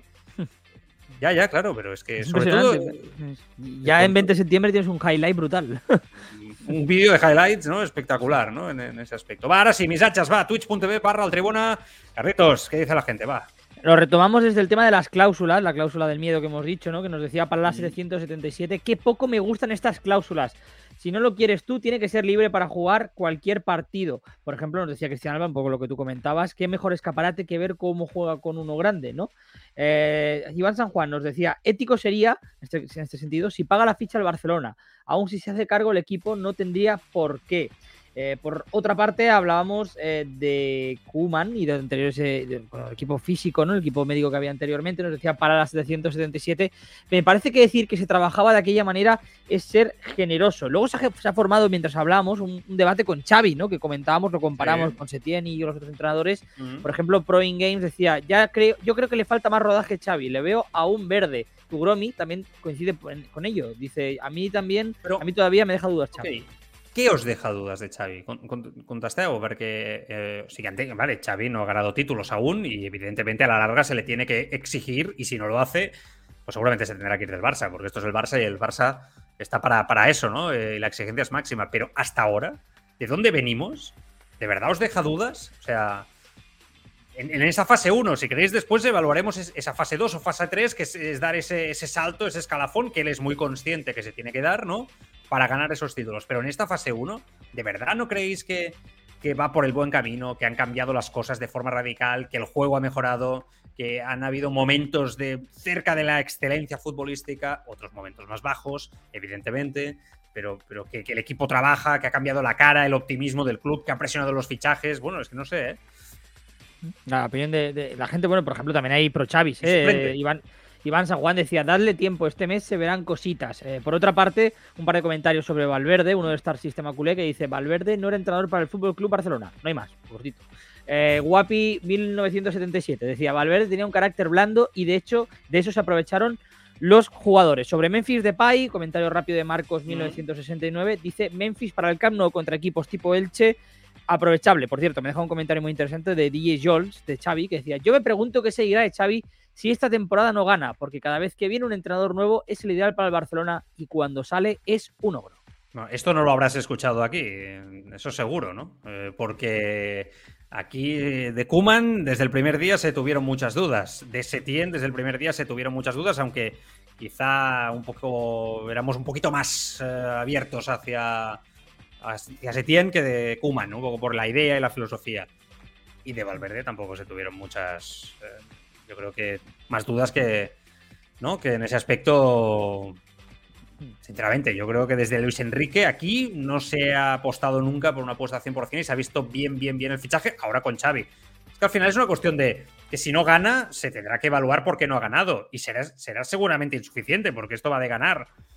Pero es verdad que también es verdad cómo ganas. Si el Barça da pasos adelante compite hasta el último día. O sea, si el Barça, es que ahora os voy a poner un ejemplo, ¿eh? esto va a dar juego, ya verás. O sea, si el Barça hace el año que hizo el Liverpool el año pasado, imaginaos que el Liverpool no gana absolutamente nada el año pasado, nada. Y se queda a las puertas de todo. Y prácticamente podemos decir que lo hizo, de los dos grandes títulos por lo menos. ¿Qué? ¿Echamos a Xavi? El Liverpool no se carga a Jurgen Klopp. El cómo lo es todo. Para mí, vamos. Entonces, sí, sí, si el Barça compite en la final de la Copa del Rey, la pierde, por decir algo cae en semifinales ante el City en la Champions, invento, ¿eh? Dando una imagen más que digna, pero te supera un rival mejor, pero tú compites, hay momentos que la tienes, igual que el otro día ante el Bayern, pero oye, está más hecho, te gana. Y en Liga, en la última jornada, el Madrid te gana. ¿Te cargas a Xavi? Sí, sí, es que... Es que yo lo veo, lo veo clara, ¿eh? La respuesta yo la veo clara que muchas veces juzgamos por resultados, pero es verdad que es el, es el eh, nos olvidamos del camino, ¿no? Y, y, y al final yo creo que en el, análisis a, a, corto plazo hay que tenerlo en cuenta, ¿no? De cómo se ha llegado hasta ahí. Luego, a lo mejor a, a los 6-7 años se te olvida, ¿no? De cómo fue aquello, ¿no? De cómo se llegó a aquellas finales y demás. Pero está claro que eh, importa y, y eh, a mí me da la sensación de que el Barça va a esa progresión. Eh, hay, entiendo que hay gente, por lo que he leído en los comentarios, ¿no? que lo que le molesta un poco de Xavi es la gestión de plantilla, de algunos mm. cambios, que va tarde con los cambios y demás. Evidentemente, de hecho, eso, también. Pero por eso no te vas a cargar detalles. Son pequeños detalles que, que el día grande se verán. Si Xavi cuando se vea en una situación en la que tiene que reaccionar para levantar una eliminatoria, ¿no? ahí es donde se verá si, si va grande o no para, ese, para esos días, ¿no? para esa fase 3 que tú decías. Hmm. Bueno, eh, ¿algun mensaje más? ¿Estava todo, todo Està leído? tot, tot. Sí? Vale, va. Eh, més coses. Eh, bon, números, números. Amb només un gol encaixat en 6 partits, el Barça té el millor registre defensiu de les 5 millors lligues. Villarreal, dos gols, Atalanta, 3, són els que estan més a prop. Villarreal impressionant, cal dir-ho també. O sigui, que parlem molt del Barça, però el Villarreal, bueno, aquest rècord no... Només, sí, muy, muy, muy buen trabajo d'Unai Emery. Aquest rècord només el supera el Barça de Luis Enrique 2014-2015, ja que no portava cap gol encaixat. Per tant, dades interessants eh, que parlen per si soles un dia més de la fortalesa defensiva d'aquest Barça. Ja sabeu que ahir la Junta Directiva del Barça es va reunir a la Barça Store de les Rambles. Allà es va després eh, conèixer més tard, de, quan nosaltres havíem acabat ja el programa, es va aprovar l'adjudicació de les properes obres de l'Espai Barça, eh, aquesta nova empresa, i sobretot es va aprovar el pressupost per la temporada 22-23, que haurà de ser ratificat a l'Assemblea que és el dia 9 d'octubre, sí, el dia 9 d'octubre. Atenció al pressupost, eh? 1.255 milions d'euros amb una previsió de beneficis de 274 quilos. Sigui, són molts diners, eh? eh, entenc que ja és, o sigui, és una recuperació absoluta del club. Entenc que el tema de la venda d'actius possiblement eh, hagi pogut tenir molt a veure, però són números espectaculars. O sigui, jo pràcticament jo no sóc economista i, evidentment, això hi ha els experts i el dia 9 o quan s'avanci el dia 9 els eh, integrants de, de, de la Junta i els tècnics del Futbol Club Barcelona ho acabaran d'explicar. De, Però jo crec que són números molt ambiciosos, eh? De veritat. O sigui, recordo l'etapa que no fa tant de Bartomeu, que era la seva obsessió, arribar als 1.000 milions d'euros de, de facturació i de pressupost, no? pressupostaris, i va arribar el problema de la pandèmia i tot això va baixar, es creix, no? clarament el, la xifra, i ara ja parlem de 1.200 i pico milions d'euros com a pressupost. Em sembla flipant. Eh, es que, eh, bueno, es un paso importante para lo que es el corto plazo del, del club, ya lo dijimos. A, a, mí lo que me parece, yo creo que lo que hay que responder, ¿no? Lo que tiene que responder, a ver cómo lo explican, ahora que ya se ha pasado esa época de crisis y de, y de bueno, aquel plebiscito que hubo, ¿no? Con el tema de las palancas, lo que tienen que explicar es qué va a pasar ahora, ¿no? En el, en el largo plazo, como, y, y, quizá, no sé, Joan, ser un poco más -huh. concretos a la hora de si se va a recuperar ese, esos, algunas de las palancas que se han ejecutado, ¿no? Y en qué periodo de tiempo, porque sí que dijeron la intención del club, pero si ahora que ya comienza a haber un, una aplicación real y que el club parece que vuelve a funcionar, eh, si ya tienen previstos algunos plazos, ¿no? Para, para, poder intentar recuperar esos derechos para que en el futuro poder competir. Es una pregunta de. Es una pregunta de asamblea esta, ¿eh? O sea, la dejo ahí la lanzo. Soci assembleari, no? Eh, totalment, aquesta, aquesta, aquesta opinió del Carlos, que, que sincerament, jo amb tot el tema de la venda d'actius, ara es diu palanques, no? Ja, ja hem dit, aquest qualificatiu que va utilitzar el club, jo crec com una bona eina de màrqueting, no? I una bona sí. paraula i ben treballat per part de dins de, del club, però bueno, no deja de ser Eufemismo. Sí, pero no deja de ser una venda de activos en algunos y venta de patrimonio propio, ¿no? En algunos aspectos, claro. Pues eh, bueno, yo creo que, que, al fin y al cabo hay muchas eh, preguntas y pocas respuestas claras al respecto del futuro, ¿no? Sobre todo, y que al final ostras, a la gente le preocupa eso, ¿no? Eh, y que es verdad que, es algo que no debemos de perder de vista. Y sobre todo si el Barça no consigue resultados eh, a nivel deportivo, ¿no? Que, yo creo que eso es lo que más le puede, le puede, le puede perjudicar. Pero bueno, que, que son números potentes, ¿eh? ambiciosos. Eh, en ese aspecto mínimo, mínimamente, la verdad es que a mí me han sorprendido, insisto, eh? però bueno, que ahí estan. Eh, mencioneta del Martruco, no? Com sempre, va. A Catalunya Esports ja tens oberta la inscripció per la temporada 2022-2023. Tria dia, categoria i seu. Catalunya Esports, 10 instal·lacions, 756 equips en categoria masculina i 119 en categoria femenina. Apunta't des de catsports.net o trucant al 93 440 86 55. Catalunya Esports, els millors preus i el millor ambient. Futbol sala des de 30 euros partit. Futbol set des de 52 euros partit. Catalunya Esports. 8.000 jugadors i jugadores confien en nosaltres. 9 3 440 86 55. A Catalunya Esports. Eh, eh, Catalunya Esports, que sí, que sí, que que, que dic que voleu tenir protagonisme, però, però tranquil·litat, eh? Aquí els amics de Catalunya Esports, eh? que han tingut ja el seu moment de glòria. Va, uh, el, que estava, el que estàvem dient, eh, bueno, tanquem carpeta econòmica, samarretes... Eh, bueno, molt, molt ràpid. Bueno, després ho comentem, que hi ha, hi ha una notícia, bueno, un comentari en forma de rumor sobre Héctor Ballarín, i ara, ara ho comentem, però tanquem el tema de samarretes, perquè l'altre dia ja es va parlar del tema de la samarreta blanca, que a mi, personalment, ric perquè al meu pare no li agrada gens que digui això en antena, però a mi personalment m'agrada que el Barça desacomplexadament aposti per la samarreta blanca la propera temporada, però curiosament m'he trobat a casa a la meva família un d'aquests culers que, que jo ja sé que sóc conscient que està tot molt dividit al 50%, no?, de culers que creuen que sí, que el Barça ha d'apostar per aquesta samarreta blanca, com jo, com a segona equipació, sense cap mena de complexa, i fins i tot amb aquest escut retro, no?, que comentàvem l'altre dia, hi ha molts culers, com per exemple el meu pare, que diu que de samarreta blanca ni en broma, que vull dir, això és del Madrid i que no ho vol veure. Insisteixo, hi ha molta gent que ho veu igual que el meu pare i que em fa gràcia perquè eh, ara tornaré a dir que jo sí que apostaria per aquesta samarreta blanca. Em puc no, imaginar no. la cara del meu pare en aquests moments, eh, que no eh. escolta totes les tardes. Però bueno, eh, samarreta, la primera equipació. Avui, eh, Footy Hit eh, Lines, ¿no? Es diu? Eh, sí, los que Lines. suelen tener de todo, sí filtran un poco esto, ¿no? No sé dónde sacan todo esto. El gran filtrador todo. de camisetas, de, de, de toda Europa, ¿eh? no solo del Barça. Sí, sí, total, total. Es una pasada. Bueno, pues ha, ha, ha filtrado la, la, que sería la camiseta del año que viene, la primera equipación, ¿no? Y yo decir que, que salen antes, salen, salen antes cada vez. O sea, ya bueno, llegará claro. un año que no habrá salido el anterior y se habrá acumulado la claro. filtración. Recuerda que el Barça tuvo que pagar una penalización el año pasado porque Nike ya había hecho las camisetas sin Spotify, ¿no? Y después de cerrar Spotify tuvo que pagar una penalización a Nike por hacer de nuevo camisetas con el logo de Spotify, ¿no? Precisamente porque van muy por delante. A mí me encanta. Me encanta. O sea, no, no, no, no soy dudoso me, me, encanta. Hay dos versiones, que es esta que estáis viendo en imagen, los que estén en la radio, evidentemente no. Pero me encanta sobre todo porque es, eh, es clásica.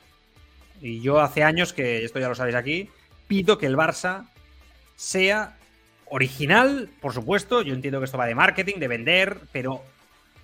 Ostras, fiel a sus colores, fiel a su estructura. Que no hayan inventos raros, de cuadraditos, de, de, de rayas horizontales, de, de, de una raya negra como este año por el medio. Y yo creo que siendo el Blaugrana puedes jugar mucho, más gruesa, menos, yo qué sé, vayas haciendo cositas, cambios. Y esto me gusta, Carlos, porque además es un homenaje a la camiseta clásica ¿no? de, de, del Fútbol Club Barcelona de, de toda la vida y, y, me gusta. Sea un poco con la franja esta roja por, por el hombro, ¿no? Que parece que a hay estas dos versiones. La, la, del franja roja, la del hombro, ¿eh? A sí, sí, la, la. Sí, sí, a mí me gusta más la, la, la anterior, o sea, perdón, la, la, segunda, esta, esta, la que se sale por el hombro, esa, fran, esa franja roja. Eh, le da ese toque, si quieres llegar a ese toque clásico que tú comentabas, yo creo que llega más así, ¿no? Y a mí me parece que bueno, tiene. Eh, me recuerda también, por cierto, a la del triplete del Barça, ¿eh? del segundo triplete, la de Luis Enrique, ¿no? Se parece, tiene... se parece mucho. Y se parece mucho a aquella de Rijkaard, ¿no? Del segundo año de Rijkaard, o sí, creo que es, ¿eh? Se parece sí. también muy clásica, ¿no? Yo creo que está basada en eso. De todas formas, ahí pone eh, temporada 23-24, ¿no? O sea, no es la que viene. Ah, sí, sí, es la que viene. Vale, vale, perdona. Estoy perdido ya. No te preocupes. Sí, sí, a mí me pasa lo mismo. Y después han, han avanzado también algunas con de las blancas, ¿no? Eh, de, de, la segunda equipación, que sería con la senyera, no? La senyera que recorreria tot el, la part del, del, del pit, però només l'esquerra, on, on està el cor, diguéssim, més o menys, no? No està del Barça. Eh? A mí sí, me parece muy chula la blanca.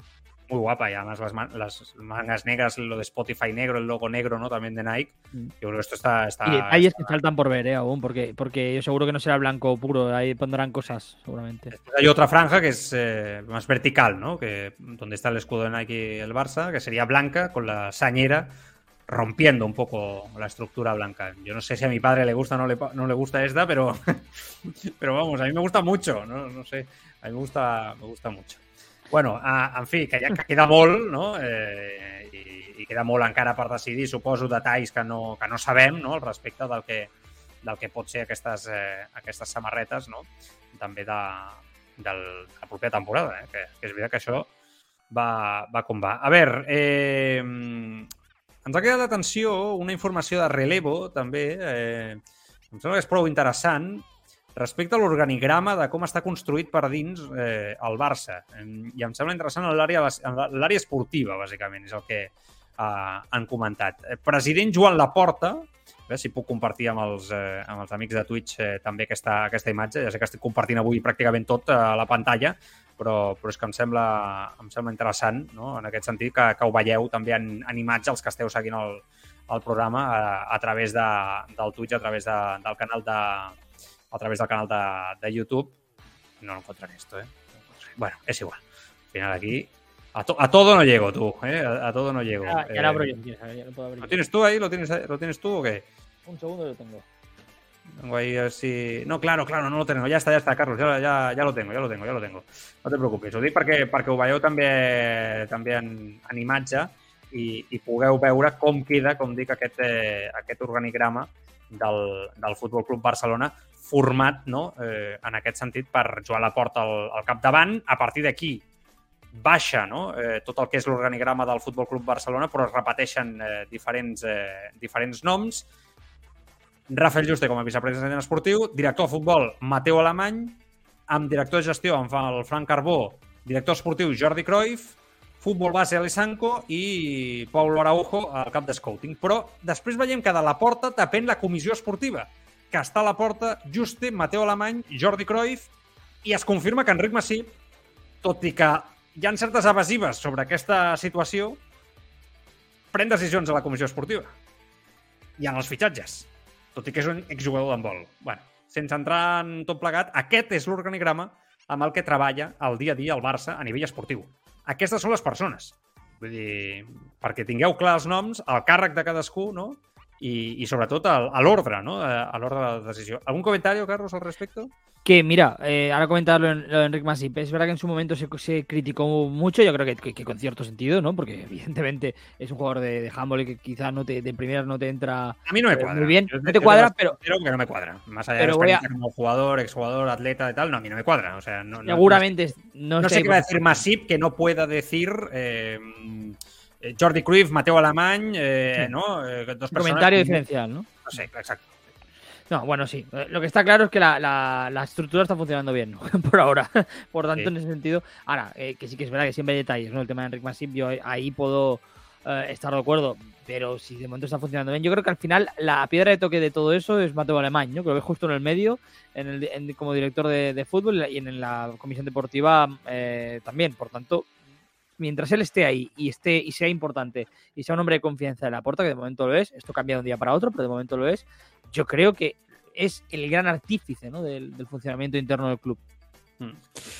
Vale, eh, de seguida parlarem amb la Maria José Estalric, que, que es connectarà aquí i la saludarem per parlar de, de racisme, l'Atlético de Madrid, eh, amb el tema Vinícius, on comença tot això, perquè sembla que comença en base a una expressió d'un periodista del Chiringuito en un programa determinat, però a partir d'aquí el vídeo filtrat, bueno, i a partir d'aquí ella, que coneix i ha tractat la informació de l'Atlético de Madrid durant molts anys allà, no? eh, per Telemadrid i per altres mitjans, doncs que coneix molt bé la parròquia Matalassera, no? i que cada dia està precisament pendent d'aquesta informació, a veure què ens pot explicar, perquè ahir ja ho dèiem amb el Carlos, vam passar de puntetes pel tema, és un tema preocupant, però ja que parlem de l'Atlético, toca parlar de Griezmann un dia més. Davant el Madrid va jugar de titular sorprenentment, aquest eh, fa que ara mateix superi el 70% dels partits en dues temporades i, per tant, hauria de pagar l'Atlético els 40 milions al Barça. La idea de l'Atlético és només posar el francès de titular en grans partits i tornar a la fórmula habitual durant el que resta de temporada. A mi em sembla, de veritat, eh? O sigui, quina situació l'Atlético de Madrid. Es que es... No, pero Carlos, o sea, es patético. Sí, sí. Me parece. Y el propio jugador no dice nada. ¿Le parece bien? El Cholo es un hombre de club, vale, ok. Y, y, y, a Griezmann también. O sea, a Griezmann esto le parece estupendo. O sea, el otro día juegas de titular con el Bernabéu, pero te vas a pasar 10 partidos en el banco otra vez. Porque esto es lo que hay. Pero es que literalmente, yo creo, yo creo que se resume en la última frase que has dicho, o en la anterior. Es lo que hay. O sea, es que ahora mismo la, la, la situación es tan extraña que no queda otra, salvo que el club institucionalmente, ¿no? El club negocie con el Bar se encuentra una solución. Ahora mismo poniéndote en, en, el lugar de Simeone, ¿qué harías tú? Porque yo, yo, la verdad es que haría lo mismo, realmente. En el lugar de Simeone, eh, yo no sé. Es que no te queda otra, realmente, ¿no? O sea, no sé si el Simeone de hace 5 o 6 años reaccionaría igual, pero bueno, ese es otro ese tema. Otro, ese es otro tema, sí, sí. Pero es otro tema. está muy mal hecho y que hay que buscar una solución y que tampoco entiendo que esto no acabe mal eh, a nivel de FIFPro, etcétera, ¿no? De, de, Asociación de Futbolistas también hace por ahí también, ¿no? Que se, se preocupen y se metan por el medio no sé si el Barça lo va a acabar llevando a los tribunales o no, porque aquí cada uno defiende sus intereses, su interpretación del contrato, pero que hay un futbolista que se ve en una, se ve en una macho, que, que, que mira que yo no soy un gran fan de Griezmann y nunca lo he sido, y siempre sí. creo que es un jugador que, que, ha estado incluso hasta sobrevalorado y me parece un futbolista que, que en el Barça, bueno, jamás debería haber fichado por el Barça, que esto tampoco es algo exclusivamente su culpa, ¿no? Pero, pero creo que esto es muy feo, muy feo es feo y, y, yo si fuera Griezmann lo que tengo lo que tengo claro es que le pediría a mi representante que si en diciembre no enero esto no está arreglado después del mundial buscar una solución yéndote el Atleti del Barça, o sea, de alguna Sí, sí, forma, claro, ¿no? Pero... Riqui Puig, eh, anem a saludar la Maria José, que ja la tinc eh, per aquí. Eh, L'altre dia va aconseguir tres assistències en la victòria davant dels Colorado Rapids. Porta ja cinc en el campionat de la Major League Soccer i ha igualat un rècord de, del propi David Beckham, eh, literalment, sortint-se a, a, la, a la Major League Soccer. Eh, bueno, jo crec que una bona notícia amb Riqui Puig, que el anem seguint d'aquella manera, i és que el jugador doncs, està rendint. I jo crec que això és molt important. No? Eh, està rendint, el futbolista està recuperant la seva confiança i, i és important perquè sembla que el jugador havia tocat fons no? eh, en la seva confiança especialment, perquè el talent l'ha tingut sempre. No? I jo crec que també va sortir del Barça molt cremat, l'afició també l'assenyalava molt per un comportament, no sé si, bueno, segurament no va ser el més professional possible en el seu tram final, però bueno, jo m'alegro, sincerament, és un jugador que, que està rendint eh, i que ho està fent bé. No vaig entendre massa que s'anés a la Major League Soccer, però potser és estoy això que necesitava. Ya, pero es que quizás esto es lo que necesitaba. Sentirse así Ah. importante, sentirse básico, en una ciudad, ciudad con su pareja que donde es feliz, está en su derecho, solo faltaría. Y, y ser un jugador básico en la Major League Soccer, y yo qué sé, quizá acaba siendo una estrella una década ahí, ¿no? Yo qué sé, porque esto del fútbol a veces. Sí, sí, no. O, que a lo mejor mm, si hubiera ido a otro club eh, europeo, ¿no? ¿no? No habría motivado tanto. Vivir en Los Ángeles a lo mejor le motiva especialmente y, y hace dos buenas temporadas y le acaba llamando otro grande de, de- de- de Europa, ¿no? Si, si sale. Hay hemos visto muchos casos de jugadores que se han ido ahí a. Bueno, no muchos, pero algunos casos de jugadores que se han ido de Europa a la Major League Soccer y luego han vuelto, ¿no? Y yo creo que uno de ellos es Ibrahimovic, por ejemplo, ¿no? Que, que es verdad que ya parecía que se retiraba y, y luego volvió y rindiendo Es un muy grandísimo joven Puig, ¿eh? Es que eso, es muy joven. Estamos hablando de un jugador que, que tiene una década de fútbol al max al- o más, al más alto nivel. A mí algo que me está demostrando Ricky Puig y que me, me gusta es que se puede adaptar a un fútbol que no es exclusivamente el del Barça por, por su físico y adaptar su físico a ese juego. Y esto es algo que me gusta mucho porque era la duda que yo tenía con él, ¿no? Y, y creo que lo está demostrando, ¿no? Que su talento, su técnica, su capacidad del control tiempo-espacio en cada momento futbolísticamente va por delante. Bueno, pues chapó, contento sobre ello, ¿no? También. Bueno, ahí están esos, esos pases, esas jugadas que estamos viendo también ahí en, en- en el canal. Eh, vamos a hablar de, de un tema serio. Está por aquí ya la, la María José Estalric, que ya, que ya m'escolta. Què tal, Maria José? Bona tarda. Hola, molt bona tarda a tothom. Eh, encantat de saludar-te, com sempre. Eh? És un plaer tenir-te Sí. al, al tribuna. Són molts Per anys mi ja, també. eh? Doncs ja- Déu-n'hi-do, sí, sí. I tant que sí. Eh? Ja, ja fa anys. Bueno, eh, és un tema que ja el Carlos i jo vam passar una mica per sobre. Eh, tu la, a Madrid l'has viscut més segur de més, eh, de més a prop i jo amb les tertúlies també em sembla que hem coincidit amb alguna on ha sortit el Mm. tema així una mica per sobre. No sé, o no, no ho sé, perquè ja em perdo. Però, però és un tema que a mi em preocupa. I, i precisament jo crec que tu ets una persona que, que té el coneixement per poder parlar de l'Atlético de Madrid, no? Eh, conocimiento de causa. Eh, i em fa la sensació que la pregunta, més enllà de si al futbol espanyol hi ha racisme o no hi ha racisme, és, un, si hi ha hagut manipulació dels fets per segons qui, jo crec que és una pregunta que també s'ha de fer, si la premsa ha participat en tot aquest enrenou que s'ha muntat entorn a Vinícius, els crits, etc. fins a quin punt el tema del comentari del col·laborador del Chiringuito és el que incita o no incita, si Coque s'equivoca en les declaracions prèvies, i després si l'Atlético de Madrid és un club on té aficionats més racistes que els altres, perquè jo crec que fer-te una pregunta on et diré, a l'Atlético de Madrid són racistes, em sembla injust, perquè evidentment no tothom és racista, però sí que fa la sensació pels inputs que ens estan arribant als últims temps ostres, que hi ha certa tendència no, en aquest club. No sé, sé que l'estic fotent en un cubell allà tot el poti-poti, i... però t'escolto amb atenció, perquè és un tema delicat. És que hi ha moltes vessants, vull dir, i no es poden... te- Tenim la tendència a juntar-les totes, a fer un pupurri i aleshores mm, fer grans valoracions. I no es poden fer, vull dir, s'ha d'analitzar cada cosa eh, des del punt de vista de cada cosa, de cada vessant, no? Mm. Um, aviam, l'Atlètic de Madrid mm, és impossible que sigui un, un club racista perquè té jugadors de color.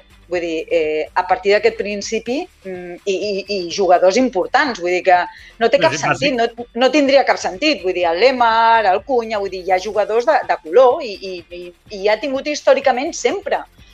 I mai hi ha hagut aquest tipus de problema, més enllà de lo que jo trobo que és habitual i una tendència general en el món del futbol. Som racistes com a societat? Jo em penso que no. Que no, eh? el Jo crec que no. Com a societat no, no ho som. Ara bé, utilitzem el, el racisme um, per fer mal, Mm. com una arma per fer mal. Sí. Uh, i, i, I ja està, i no hi ha, no hi ha més. Com, com puc um, fotre'm amb, amb el Vinícius? Doncs dient-li mm, mono, doncs ja està, doncs ho faig.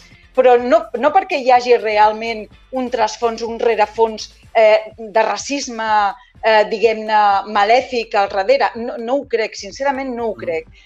Ara bé, sí que és veritat que ens manca molta educació esportiva sí. i molta... És una qüestió cultural, en definitiva. Mm. Hi ha manipulació en tot el que s'ha fet eh, de les últimes sí, hores d'aquests sí. crits respecte... Home, sí? Hi ha manipulació, eh? I tant, i tant que hi ha manipulació. Hi ha molta manipulació. Uh, un sector del madridisme ha aprofitat això per victimitzar un jugador, mm. eh, un sector de la premsa per fer titulars i un sector de, bueno, doncs de, de l'àmbit de l'Atlètic de Madrid doncs per, mm, per fer-se més, més fort, no?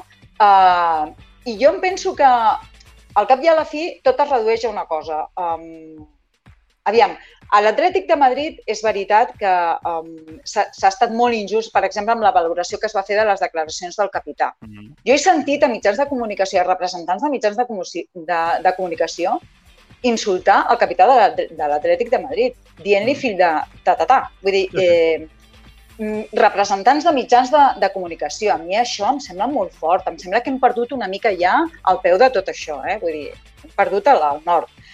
Uh, I després demanem que l'afició sigui sensata. Vull dir, no. Eh, hem de ser-ho tots, eh? Hem de ser-ho els mitjans de comunicació, els jugadors i l'afició. Eh? Les tres potes del banc. Jo crec que sí que hi ha hagut una manipulació per part de tots i que després, quan ja s'ha fet el mal, ara tothom eh, ens donem cops a, a l'esquena, no? Però, eh, sí, però és, és molt senzill tot això. Eh, s'han de prendre mesures, perquè han passat un seguit de coses i s'han de prendre mesures, eh, i després s'ha de prevenir. Jo crec que l'arrel de tot això és la prevenció. Com ho podem evitar de cara a futur? Pre prevenint-ho, amb educació, amb posant mesures. Sabíem que això passaria, ho sabíem, ja està, no hi ha més. Avui ha tret el, acaba de treure l'Atlètic de Madrid un comunicat, sí. un comunicat que arriba tard. Què fa avui aquest comunicat mm. al carrer? Per què no, no. es va treure el mateix diumenge? Per què no es va treure el mateix diumenge? Mm. Dilluns al matí. Per sí, què sí, surt avui? S'ha de ser ràpid amb això. És per favor, perquè t'has vist pressionat perquè has vist Però, que tothom s'ha fet a sobre. No. L'aficionat de l'Atlético... O sigui, estic molt d'acord eh, amb tot el que estàs dient. Hi ha una manipulació per mi també excessiva i s'aprofita per fer mal gratuïtament, ràpid, perquè bueno, hi ha gent que, que no pensa. Jo, jo crec que hi ha gent en aquesta mateixa professió també, eh? no només, sí. i no només, va, no només va d'aquesta professió, eh? sinó que també va de, de, del propi club, dels dirigents del propi club, els directius dels clubs, eh, no, no pensen en el mal que poden fer, jo crec que a vegades són males persones, en alguns casos, fins i tot. Eh, jo crec que hi ha sí, casos sí. de, de males persones. Però, però és bé que l'Atlético de Madrid, ostres, en els últims temps el Carlos ho deia ahir i, i jo li compro, no? Ostres, està sempre envoltat de, de certes situacions així. Sense treure ja lo d'aquest cap de setmana, però ostres, hi ha casos d'aficionats, de crits, sancions, no? A Europa, sancions... Sembla que... Jo no dic que, evidentment, tot l'aficionat, no? Evidentment, clar que no però que potser hi ha un focus d'un problema en uns certs aficionats, potser els radicals de l'Atlético de Madrid, que estan poc controlats pels dirigents de l'Atlético. O no, perquè a vegades les coses des de la distància no es veuen clars. Aviam, sí que hi ha, um, sí que hi ha una certa sobreprotecció d'aquest sector, diguem-ne, radical per part de la directiva. Això és així, això mm. històricament ha estat així. Però el que no em sembla correcte és jutjar ah. el tot per la part que, no, que no, està molt sovint. No. Sí, per sí. exemple, eh, ja, ja estem amb el mateix de sempre, no, no podem posar tot a la mateixa coctelera perquè aleshores eh, el resultat no, no, no té bon gust, vull dir, no... no. Eh, el que passa, per exemple, el que ha passat a Europa amb l'Atlètic de Madrid és absolutament injust. Uh mhm. -huh. Si hi ha una sanció per el que va passar l'altre dia, em sembla absolutament justa. Vull dir que hem de valorar cada cosa en el seu eh, context, per dir-ho d'alguna forma. Sí que és cert que darrerament l'afició de l'Atlètic de Madrid eh, s'ha vist embolicada amb un seguit de qüestions que fan dubtar sobre, eh, sobre el seu concepte esportiu de lo que ha de ser el, el club i la defensa del club. Estem d'acord. I jo moltes coses no els hi dono la raó, però després mm. també s'ha embarronat tot i, i, i s'ha barrejat amb coses que, realment mm, s'han fet conflicte quan realment no són No. coses conflictives per No. se. Per exemple, ho, Mm. ho, ho entendràs de seguida, l'audiència Mm. ho entendrà de seguida. Mm. El tema del pas, de, de, de fer passillo. Sí. Tot el que es va dir de l'afició de l'Atlètic, de les penyes de l'Atlètic de Madrid, de, de que si no eren esportives, que si això no es feia, que si no sé què, que si no sé quants, es va treure de mare i es va dir que, si, que tenien un concepte de lo que era l'esportivitat molt qüestionable. Coi, eh, són molts els equips que no han fet passadís a, o passillo a, a, a d'altres equips campions i no ha passat res. Vull dir que també quan l'Atlètic de Madrid fa una cosa o la seva afició fa una cosa, es sobredimensiona. I no és victimisme, és que ho, ho, veig en primera persona. Vull dir, viatjo molt amb l'equip, ho viatjo Sí. i veig, veig el comportament de l'afició. T'asseguro que el comportament és absolutament normal. Però sí que és veritat que aquesta temporada hi ha molta tensió a l'inici, a a l'ambient de l'Atlético Bueno, de Madrid. Però hi ha tensió interna, però això no... Vull dir que és veritat que hi ha tensió interna perquè les coses no estan funcionant, perquè l'equip no funciona, eh, perquè, bueno, ja saps que a la mateixa ciutat, quan a un equip, al teu equip, a la te, al teu etern rival li va molt, molt, molt bé, Sí, sí, a tu et va proporcionalment malament. Vull dir que hi ha molts factors i és veritat que hi ha una lluita interna, que hi ha 10 anys d'un mateix projecte que sembla esgotat i que hi ha molta gent que no ho accepta i altres que volen accelerar el procés. Mm. Vull dir, tot això està estem d'acord, Sí, sí, sí. però jo, jo el, que, el que poso en dubte és que aquest nerviosisme que és real eh, Mm. es manifesti permanentment, com alguns volen fer veure, d'una forma violenta. No és cert. No és cert. No és cert. O sigui, això Ok. no és cert. Ah, que el que va passar l'altre dia és molt greu, també és cert. Que el Vinícius es queixa d'un racisme per, per lo que va dir un suposat col·laborador amb un mitjà de comunicació, Clar, això- correcte, però no això- diguis que això és racisme, mi- perquè jo mi- tinc molts dubtes que el que va fer aquest col·laborador sigui racisme. Això per, No, això per clar, començar. Però aquest Però col·laborador des- s'equivoca en com s'expressa, Bueno, en el sí, moment, correcte. però també sí. és veritat que a Vinícius se li ha d'explicar oye, espera, en Espanya se utiliza esta expresión, etc. Jo crec que Vinícius, el seu entorn, i el propi Madrid, em sembla, en comptes de calmar-lo, hòstia, l'ha- l'han, no? M'ha donat la sensació que, hòstia, vinga, va, L'han estimulat, clar. Aleshores, Sí, qui té la culpa d'aquest enconament social? Vinícius, el primer que va parlar de mono, l'afició de l'Atlètic, tots, Luque- Luque tots. s'equivoca per tu quan fa aquelles declaracions prèvies al partit? Eh, No, perquè, no, no, perquè per tu no, eh? declara- Molta gent ho ha dit, eh, també. Ja, és que aquestes declaracions, eh, tretes de context, es poden malinterpretar, però si tu escoltes tot el total, eh, no haguessis No, no. dit tu el mateix? És un raonament completament lògic. Normal, Eh? absolutament normal, absolutament normal. El que jo trobo que no és tan normal és que um, eh, Ronaldo, la Confederació Brasilera, el no sé què, surtin en defensa d'un jugador quan no, no s'ha de defensar absolutament res. Què has de defensar? En Vinícius porta aquí tres temporades. S'ha fet milionari, s'ha fet jugador, s'ha fet famós aquí.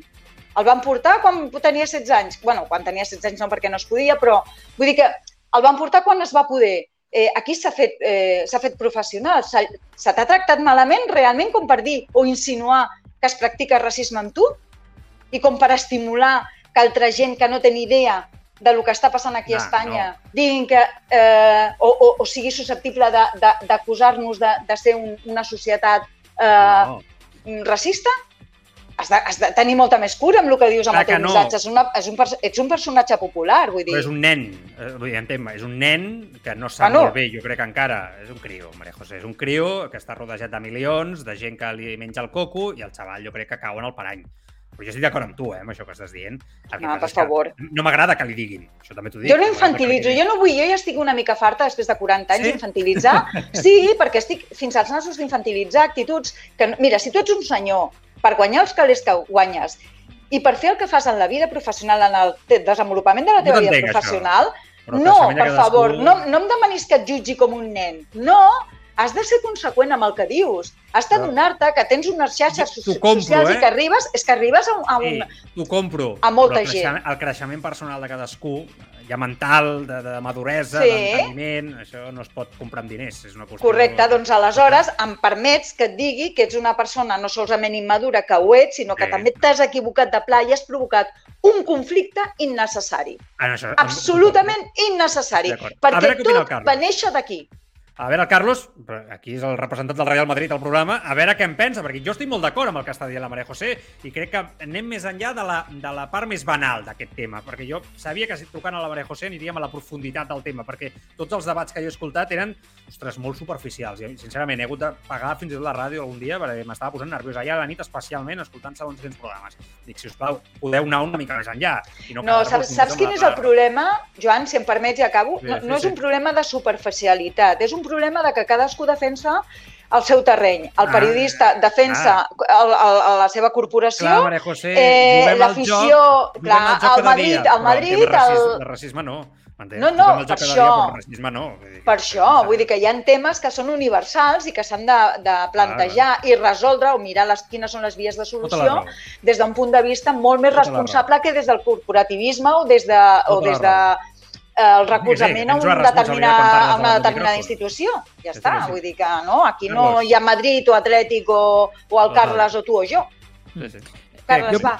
No, yo, yo, personalmente creo que, la, que, que, estoy bastante de acuerdo con, con María José con el tema de la, de, de, la sociedad. ¿no? Yo no creo que veamos un, tengamos una sociedad racista, ni creo que la afición del Atlético de Madrid sea racista, ni que el Atlético de Madrid sea un club racista. Lo que creo que hay con el Atlético de Madrid, en este caso en concreto, más allá de todo el bombo mediático, que yo creo que es evidente que ha habido, porque es evidente que se han alimentado debates previos, eh, antes digo, al partido sí, sí. con este tema, que todos sabíamos que iba a suceder y que iba a haber cualquier persona esperando el mínimo grito para sacarlo y, y, y con, continuar caldeando el ambiente. Y todos sabíamos sí. que realmente, porque lo que dijo Coque es una, una, cosa que podemos decir nosotros, que si Vinicius bailaba se iba a liar, que eso lo sabíamos todos que iba a pasar.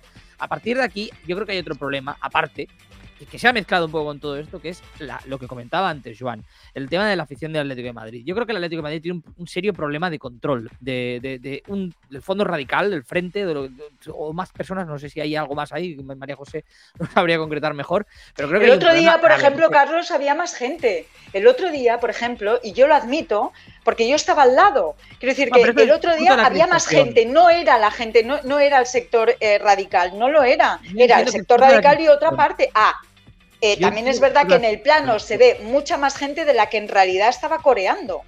Sí, no, eso es, pero eso es otro tema. Yo a lo que voy es al, al, problema que yo creo que tiene, más allá de todo lo que ha pasado con Vinicius, el Atlético de Madrid con esa parte de afición. Lo digo por el tema de Gerard Moreno y lo, y lo digo por otras cosas que han ido sucediendo en los últimos años con la afición del Atlético de Madrid, que ha habido también sanciones y que eh, se ha acabado cerrando, ¿no? Eh, o, o, sancionando al equipo, al, pagándolo evidentemente el club. Eh, yo creo que al final todo es una lamentable, bueno, un lamentable resultado a eso, ¿no? Una falta de gestión, una falta de control. Es que la palabra es control de, de la afición. Y al final, toda esa crispación que se viene generando con Vinicius, si le metes el racismo y le metes el, problema de autocontrol que tiene el Atlético de Madrid como club a la hora de gestionar, insisto, lo que es esa parte radical, pues genera ese poti poti que da la sensación y acaba creando la imagen de que toda la afición del Atlético de Madrid es racista, de que, de que eso fue un mm. infierno, pero vamos, es que vimos imágenes, ya no alejándonos del, del tema del apartado, de los cánticos y todo lo demás, vimos una botella de ron en el campo del Atlético de Madrid, vimos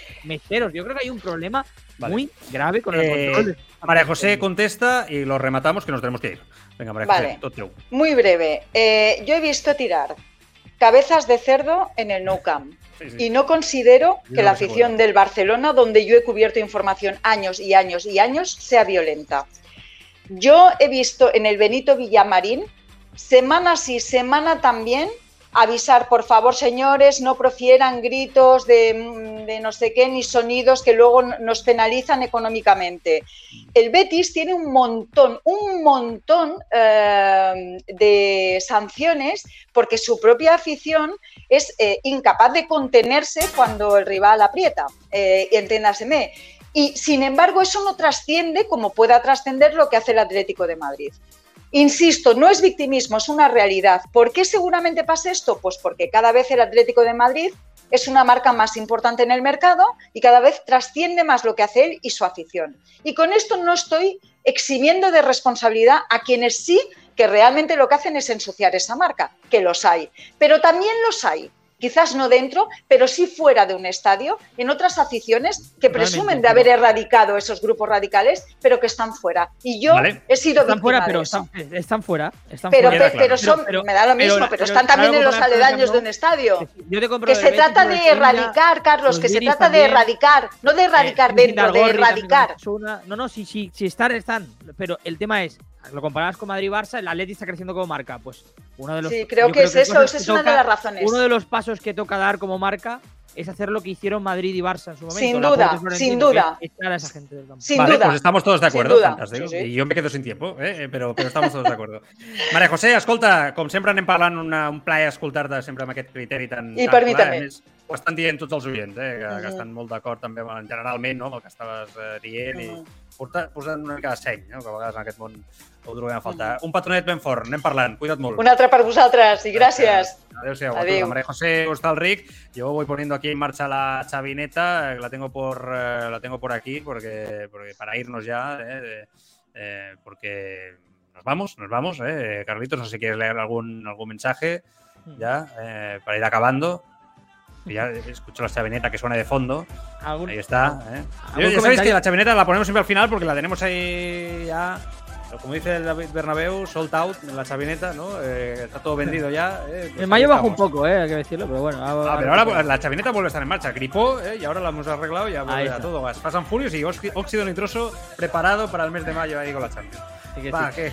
Algunos comentarios, como por ejemplo Miguel Gigante, que decía: Soy más culé que el palo de la bandera, pero Vinicius tiene razón. No se le tiene que faltar el respeto de esta manera tan deplorable. Pro In Games os decía: Fue muy desafortunado ese comentario y antiguo fuera de esos días. Y salir en televisión hay que tener cuidado con lo que se Eso dice. Eh, y luego Tugromi apuntaba lo que un poco lo que comentaba María José, ¿no? Dice, pues claro que está mal, pero se está magnificando en exceso. Iván San Juan, eh, por cierto, recriminaba, oye, en el vídeo nadie canta y el sonido es de 20.000 personas cantando. Por Bueno, senyors, que posem punt i final. Gràcies, Carlitos. Eh, Gràcies. demà estem... Eh, estàs tu, està el truco, estic jo i estan... Eh, A ¿qué Ah, Alex? López, está Alex Alex López, López. Vanessa de Lucio y... eh, Pons. no, no, eso es el viernes. Tenemos una tertulia de dos y tenemos una charla también con Pedro. Ahí. on Pedro Morata. És veritat, Pedro Morata demà es passa per aquí també el company de, de la COPE a parlar. Eh? A parlar de fitxatges, d'entorn Barça, d'entorn del futbol espanyol, a veure què en pensa. Senyors, eh, fins demà. Cuideu-vos. A les 7 de la tarda. Adéu-siau.